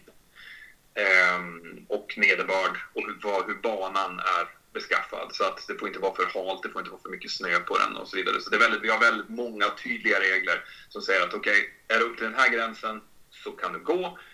Går du över den här gränsen så stannar du på backen. Och vi är inne på det här med väder då. Vad, vilka väderfenomen är direkt farliga? Alltså direkt farliga för flygplanet är eh, inte så himla många. Det är mest stora åskmoln, ärligt talat. De, det är sto, alltså stora åskmoln, fronter med stora åskmoln eh, ska man inte flyga in i därför att där inne kan krafterna vara tillräckliga för att skapa problem med hållbarheten på själva flygplanet. Eh, och naturligtvis under start och landning måste man vara försiktig med det därför att det kan vara väldigt stora förändringar i vindhastighet och vindriktning. Ehm, och hagel naturligtvis, blixtnedslag. Så att vi håller oss undan från dem och det är där våra, våra väderradar ehm, som är väldigt, väldigt bra. Det är någonting som har utvecklats enormt under de senaste åren. Ehm, vi ser de här, de är väldigt lokala och väldigt tydliga. Så det gäller att hålla sig undan från dem och vänta tills de har försvunnit förbi och så sen kan man komma in och ladda. För vad händer om ett plan blir träffat av blixten? Oftast inte någonting alls. Uh, det är ju en, en, en sån här eh, uh, Faradays-bur. Um, ehm, du kommer inte att känna, du kommer inte märka det ombord förutom att du kan eventuellt höra smällen. Så att eh, när flyg, jag har, fått, jag har blivit träffad av blixten och eh, det som kan hända det är att när blixten går in och går ut så blir det små, små, små hål, pyttesmå hål. Um, och de, beroende på till exempel om det slår ner i en, uh, i en sensor så kan den sensorn bli skadad. Så om det är en sån här eh, attackvinkelsensor till exempel den kan bli skadad. Eller ett pitårör som drar in, som visar vår flygfart, det kan också bli skadat. Men det är också därför vi har flera sådana sensorer runt omkring. Så i de allra flesta fall så, är det, så händer ingenting. Men det krävs alltid en, en tekniker som måste komma och kontrollera och checka flygplanet efter att du fått det. Så att jag kan till exempel starta från en flygplats, vara lite grann för nära ett aktivt åskmoln eller eh, blixten kan slå ner utan att det är ett åskmoln där. Men att spänningen i atmosfären är så stark. Så jag skulle kunna starta, få ett blixtnedslag, kontrollera att allting fungerar, fortsätta flyga till min destination. När jag kommer dit, då måste jag ringa våra tekniker och de måste komma och kontrollera flygplanet. Och landning och, och, start. Man tänker på, det måste vara väldigt stor skillnad mellan olika typer av eh, flygplatser. Jag kommer ihåg när jag jobbade så pratade man alltid att Funchal på Madeira, det var en riktig eh, hemsk eh, flygplats att, att landa på. Men vilka, vilka är de svåraste eh, flygplatserna att landa på? Det har oftast att göra med väderfenomen. Alltså de, de flygplatser som, som, som är värst brukar vara de som, som där, där det är väldigt svåra lokala väderfenomen. Alltså Kanarieöarna är ju kända till exempel för att de är öar och vinden blåser liksom runt ön och då bildas eh, precis där flygplatsen är, på till exempel Gran Canaria, så har du att vinden kommer från ena hållet på final när de kommer in och landar och så helt plötsligt ungefär halvvägs ner på finalen så byter den riktning för då kommer från andra sidan av ön. Och då kan du ha problem med att få en så kallad wind shear som gör att man inte kan landa. Eh, så det är en sak. Sen har du ju sådana som är helt enkelt väldigt korta. Alltså banorna är väldigt korta så du måste landa på oftast då väldigt... Eh, det som passagerarna skulle bedöma som hårda landningar. Eh, men sen har du också sådana som ligger eh, illa till, mycket berg runt omkring. Så um, in, i, in i Alperna, um, Innsbruck till exempel, Klagenfurt, Salzburg. Sådana så där är, där är lurigt därför att det finns mycket, um, mycket hinder runt omkring. Och om, alltså på finalen till exempel ska landa brukar inte det vara problem, men du måste hela tiden tänka på att du kanske måste gå runt. Du kanske inte kan landa. Och där kan det vara liksom berg ganska nära, så du måste, vara, du måste vara medveten om det och flyga väldigt, ehm, eh, väldigt försiktigt. Men eh, en sak som jag funderar på, när man väl har landat då, till exempel eh, Frankfurts flygplats som är, som är oerhört stor.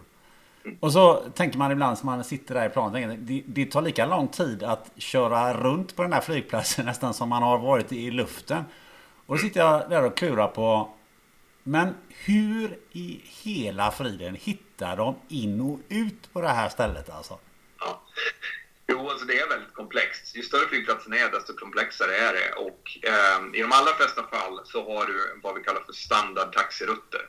Alltså du, man vet, vi, eh, det finns beskrivet i, på våra plejtar, alltså vi har ju eh, kartor, flygplatskartor. Där står det beskrivet att om du landar på den här banan så svänger du ut av på den här eh, taxibanan och då kommer du att, följ, du kommer att kunna förvänta dig att följa den här taxirutten. Och det är någonting då som vi briefar innan, så vi går igenom. Okej, okay, så vi svänger av banan och sen svänger vi direkt vänster och så kommer vi bara rakt fram och så höger och sen kommer till gaten. Oftast är det gjort så att du ska kunna landa och taxa in på kortast möjliga tid. Det är det de försöker. Men sen kommer det naturligtvis att bli, ske förändringar på det där. Om det är till exempel köbildning på flygplatsen så kanske du får en annan taxirutt. Eh, runt. så att du, efter vi har landat så byter vi oftast till en ground controller, en, en, en air traffic controller som sitter och har som enda uppgift att sköta vad som händer på marken. Och då säger de ju till oss, okej, okay, so uh, Mentor 360, taxi via taxiway Alpha, Bravo, Charlie, hold short of Delta. Och då, har ju de, det finns det liksom olika namn på de här taxivägarna. Så tar vi upp en karta och så tittar vi, okej, okay, så Alfa, sen svänger vi höger mot Bravo, fortsätter på Charlie och så håller vi och så stannar vi innan vi når in på taxiväg Delta, för där kommer det komma någon som ska taxa förbi innan oss. Och där är det väldigt viktigt att vi, att vi kommunicerar bra med varann. Minst jag och taxa är oftast och kapten på 737 är den som styr på marken. Och styrman sitter med kartan och bekräftar att han håller med om var taxan någonstans. Om styrman blir osäker, då säger han till. Nu vet han inte riktigt här. Då stannar jag och så pratar jag med trafikledningen och säger okej, okay, nu, nu är vi lite osäker här. Ja, nej, men ni kan fortsätta rakt fram och sväng vänster där framme. Bra. Så du, du gissar liksom inte, för då kan du sätta dig i situationer där du står liksom nos mot nos med ett annat flygplan och det är inte bra. Nej, jag kan tänka mig att det där är ju inte bra för att eh, du kan ju knappast backa med ett flygplan. Nej, och du kan ju, det, det du får göra då är ju att någon kommer få köra ut en sån här pushback-truck och, och, trycka i vägen och det är ju pinsamt. Eh, det undviker man ju gärna. Men det är därför du, du, som sagt, det viktigaste här är att man inte gissar. Det viktigaste är att antingen så vet du eller också så frågar du. Och det är ju alltså de allra, allra mesta skador som sker på flygplan sker på marken. Det är där som, som flygplanen taxar in i varann.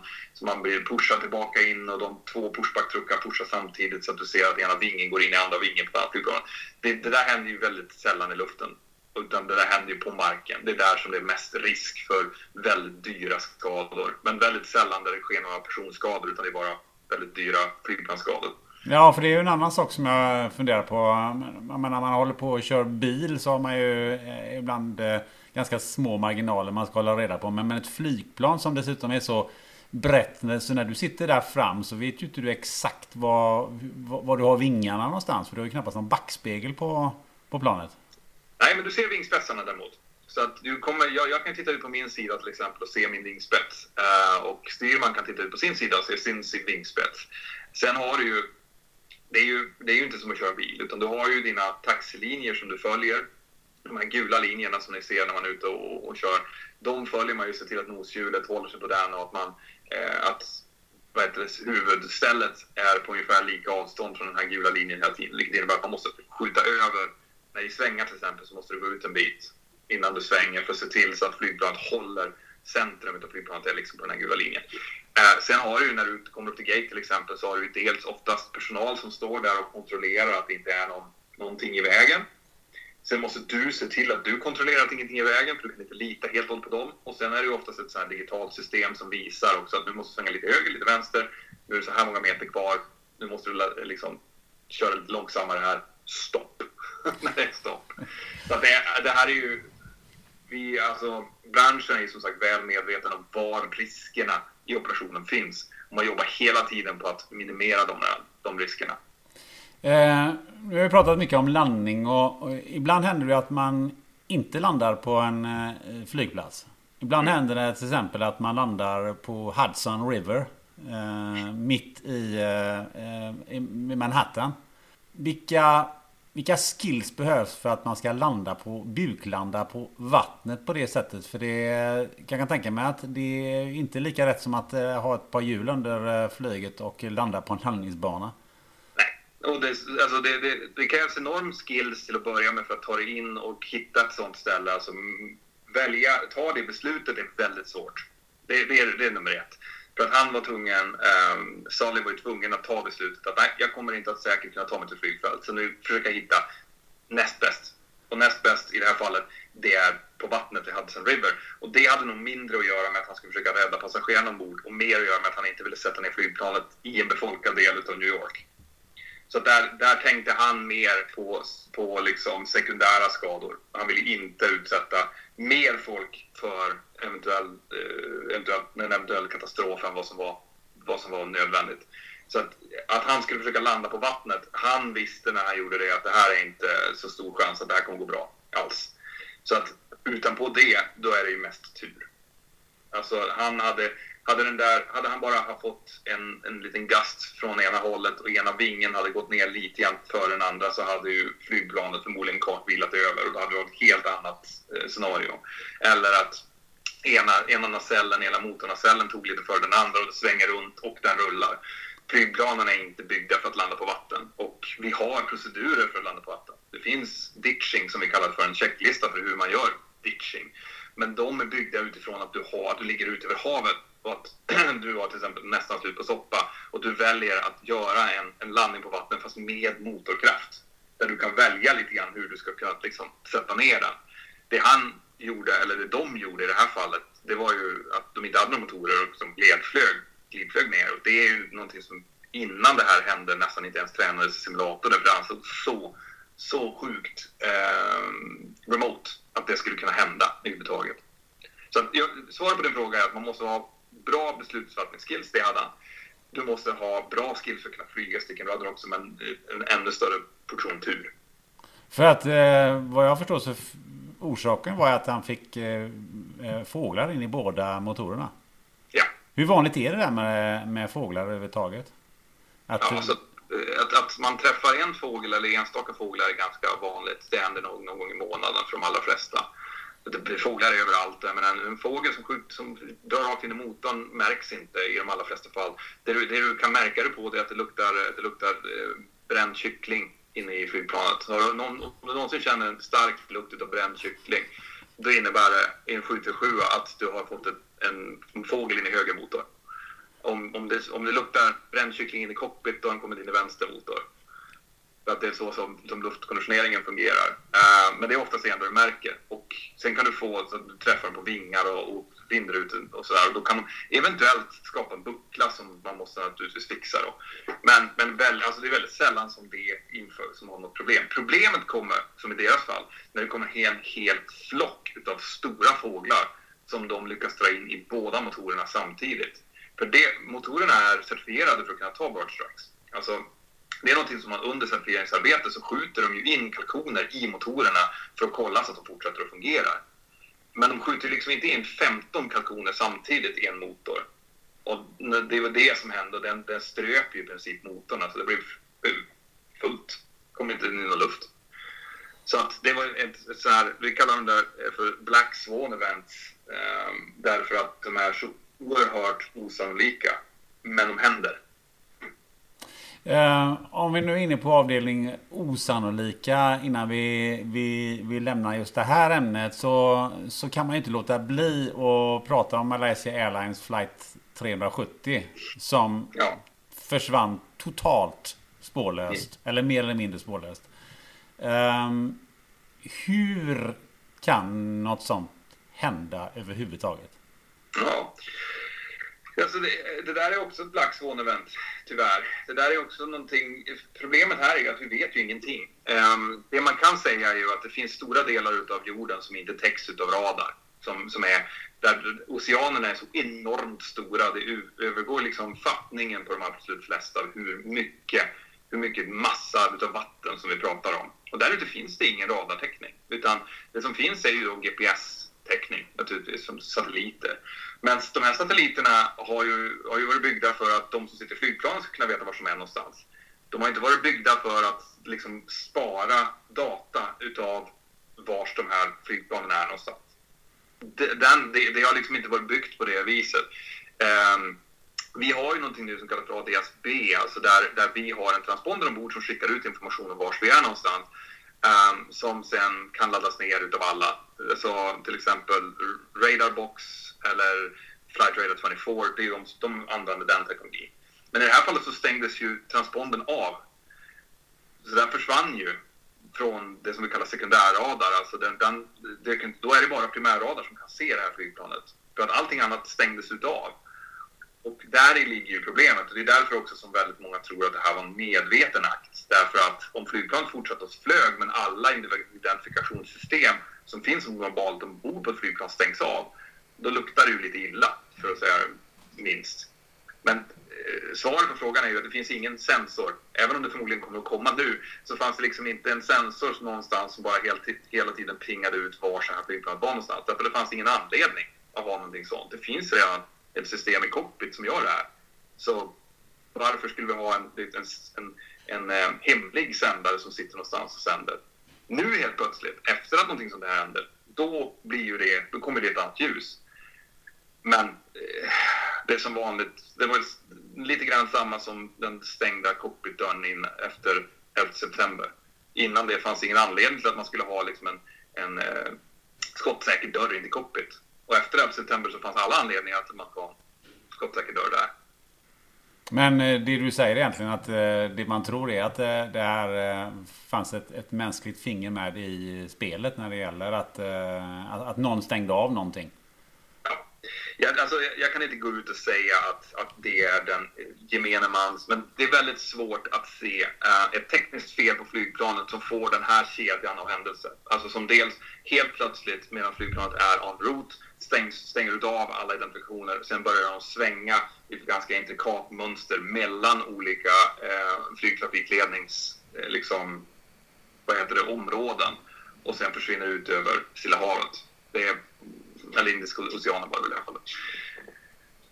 Om vi tittar lite kort in i framtiden innan vi, eh, vi avrundar. Corona har vi ju avhandlat eh, och eh, eh, funderingen är vad, hur ser framtiden ut för eh, flyget? Kommer vi att komma tillbaka och flyga lika mycket som, som innan eller har Corona och flygskam för den delen också Eh, påverkat oss så mycket att eh, nu håller vi oss på backen så åker vi bara eh, tåg eller häst och vagn. Ja, alltså, om, jag, om jag ställer tillbaka den frågan till dig, kommer du att vilja resa efter att det här är klart?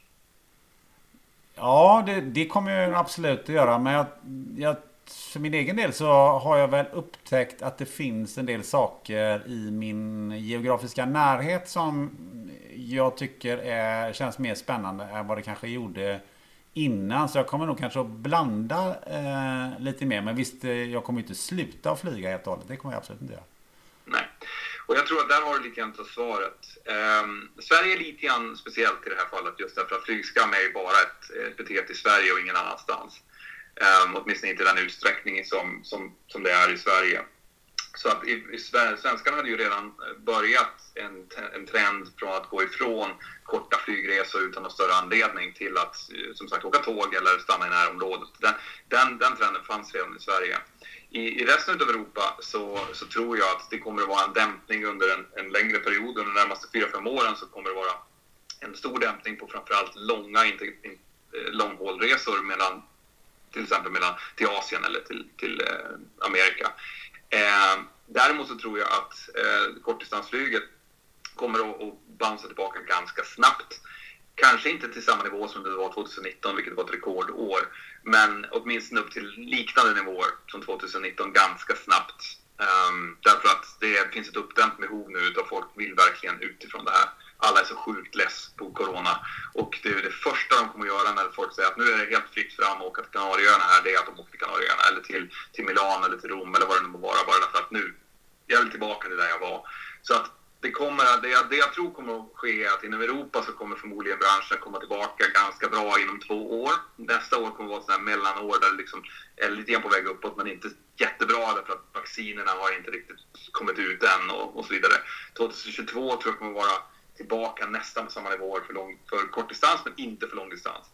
Och sen, sen är det ju så att vissa, vissa delar, ibland så sker ju sådana här liksom hopp inom vissa industrier där de upptäcker att man kan ju faktiskt ha möten över Zoom. Du kan ju faktiskt göra saker ganska effektivt även på det här viset och då kanske det drabbar till exempel affärsflyget, vilket är en stor inkomstko för många av de traditionella stora flaggbolagen. Så jag tror att det kommer att se förändringar inom branschen. Eh, det kommer inte vara liksom Armageddon för branschen, men det kommer definitivt att vara en prövning och vi kommer att vara tvungna att anpassa oss till det. Det vi kommer att se att, att vissa flygbolag klarar det här väldigt, väldigt bra. Och det är framförallt de som kanske hade mer fokus på korta till mediumdistansflygningar eh, inom Europa. Andra flygbolag kommer inte funka så bra och de kommer att leva på statsstöd de närmaste åren som de har redan fått i många fall. Eh, och sen får vi se om de överlever eller om de kommer ersättas med någonting. Men sen sker någonting nu som är jätteintressant och det är att Airbus börjar titta på att använda vät, väte, vätgas för att driva sina flygplan just för att, för att jobba med att minska utsläppen. Och det kommer även, det finns ett svenskt bolag när det är dina trakter som heter Heart Aerospace som håller på att utveckla en 19, 19 platsers eh, batteridriven kärra Um, de är på frammarsch. De kommer att ha den certifierad runt 2025-2026 och det skulle kunna starta upp en helt ny del av flygbranschen där eh, små städer inom till exempel Norrlands inland och uppe i Kvarken kan, kan börja flyga batteriflyg mellan varandra och, och kunna faktiskt stärka upp ekonomier och liknande på ett kostnadseffektivt sätt utan att påverka eh, miljön. Så att det, det sker liksom innovation inom flyget också som mycket väl kan göra att flygbranschen som helhet faktiskt växer på grund utav, eller trots det vi upplever nu. Det låter ju som eh, eh, väldigt eh, spännande och eh, att, eh, att framtiden ändå eh, kommer att bli god inom, eh, inom ditt eh, område. Vilket jag tycker är en bra avslutning eller avrundning av, eh, av det här samtalet. Eh, lite reflektioner. Vad, vad tycker du? Hur tycker du att det har varit? Ja, jag tycker det är jättekul. Alltså, det finns två saker som jag tycker är så roligt som att sitta och, bara tjabba med, med, med folk som är intresserade och som är kunniga. Uh, jag tycker det är jätte, jättekul. Ja, kul. Um, nu, ska, nu ska jag ställa en fråga till dig som jag jag har glömt att eh, faktiskt förbereda dig på. Um, och det brukar jag alltid ställa frågan. Vem skulle du önska som gäst i den här podden? Tror du att du kan få fram någon sådär i, i uh, från höften? Absolut. Mattias Andersson. Mattias är, Andersson, inte ha, handbollsmålvakten? Nej, han som, Mattias Andersson han, han jobbar med eh, han jobbar som agent till eh, massor av artister i Sverige och han var programledare på Lyxfällan. Den, en av de, den första programledaren på Lyxfällan. Eh, det är han med skägget. Det är han med skägget?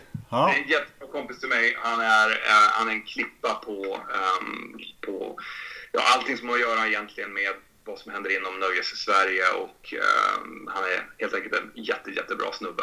Det där låter superintressant. Så där, den, eh, den kontakten får vi utbyta efter det här eh, avsnittet. Du, du har redan, vi har redan varit inne på dina eh, sociala medier. Men nu får du presentera. Om man vill följa dig eller kontakta dig, hur gör man? Okej, okay. uh, det, det, det, enklaste är att gå på Youtube och söka efter Mentor Pilot. Och det är felstavat, det är alltså inte mentor utan det är mentor som, som mentor och tour ihop. Mentor Varför är det så? Yes, och det var helt enkelt därför att Mentor Pilot var redan upptaget när jag startade min kanal så jag hade inget val. Uh, eller på Facebook eller min app Mentor Aviation som man kan ladda ner antingen för Google eller på, alltså för Android då, eller i, för Apple.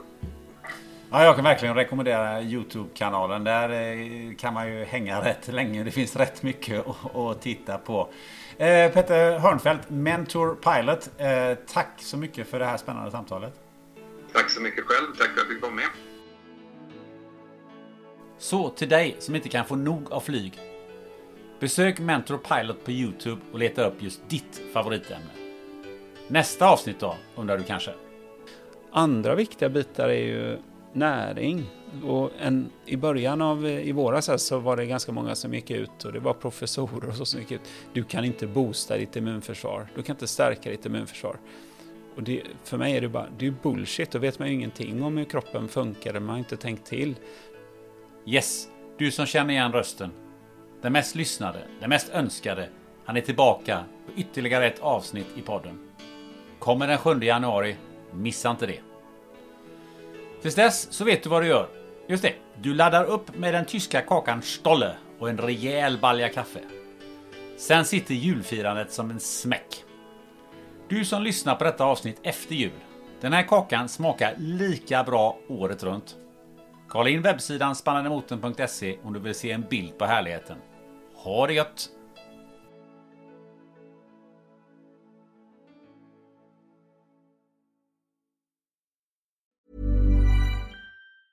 Hey, it's Paige DeSorbo from Giggly Squad. High quality fashion without the price tag. Say hello to Quince.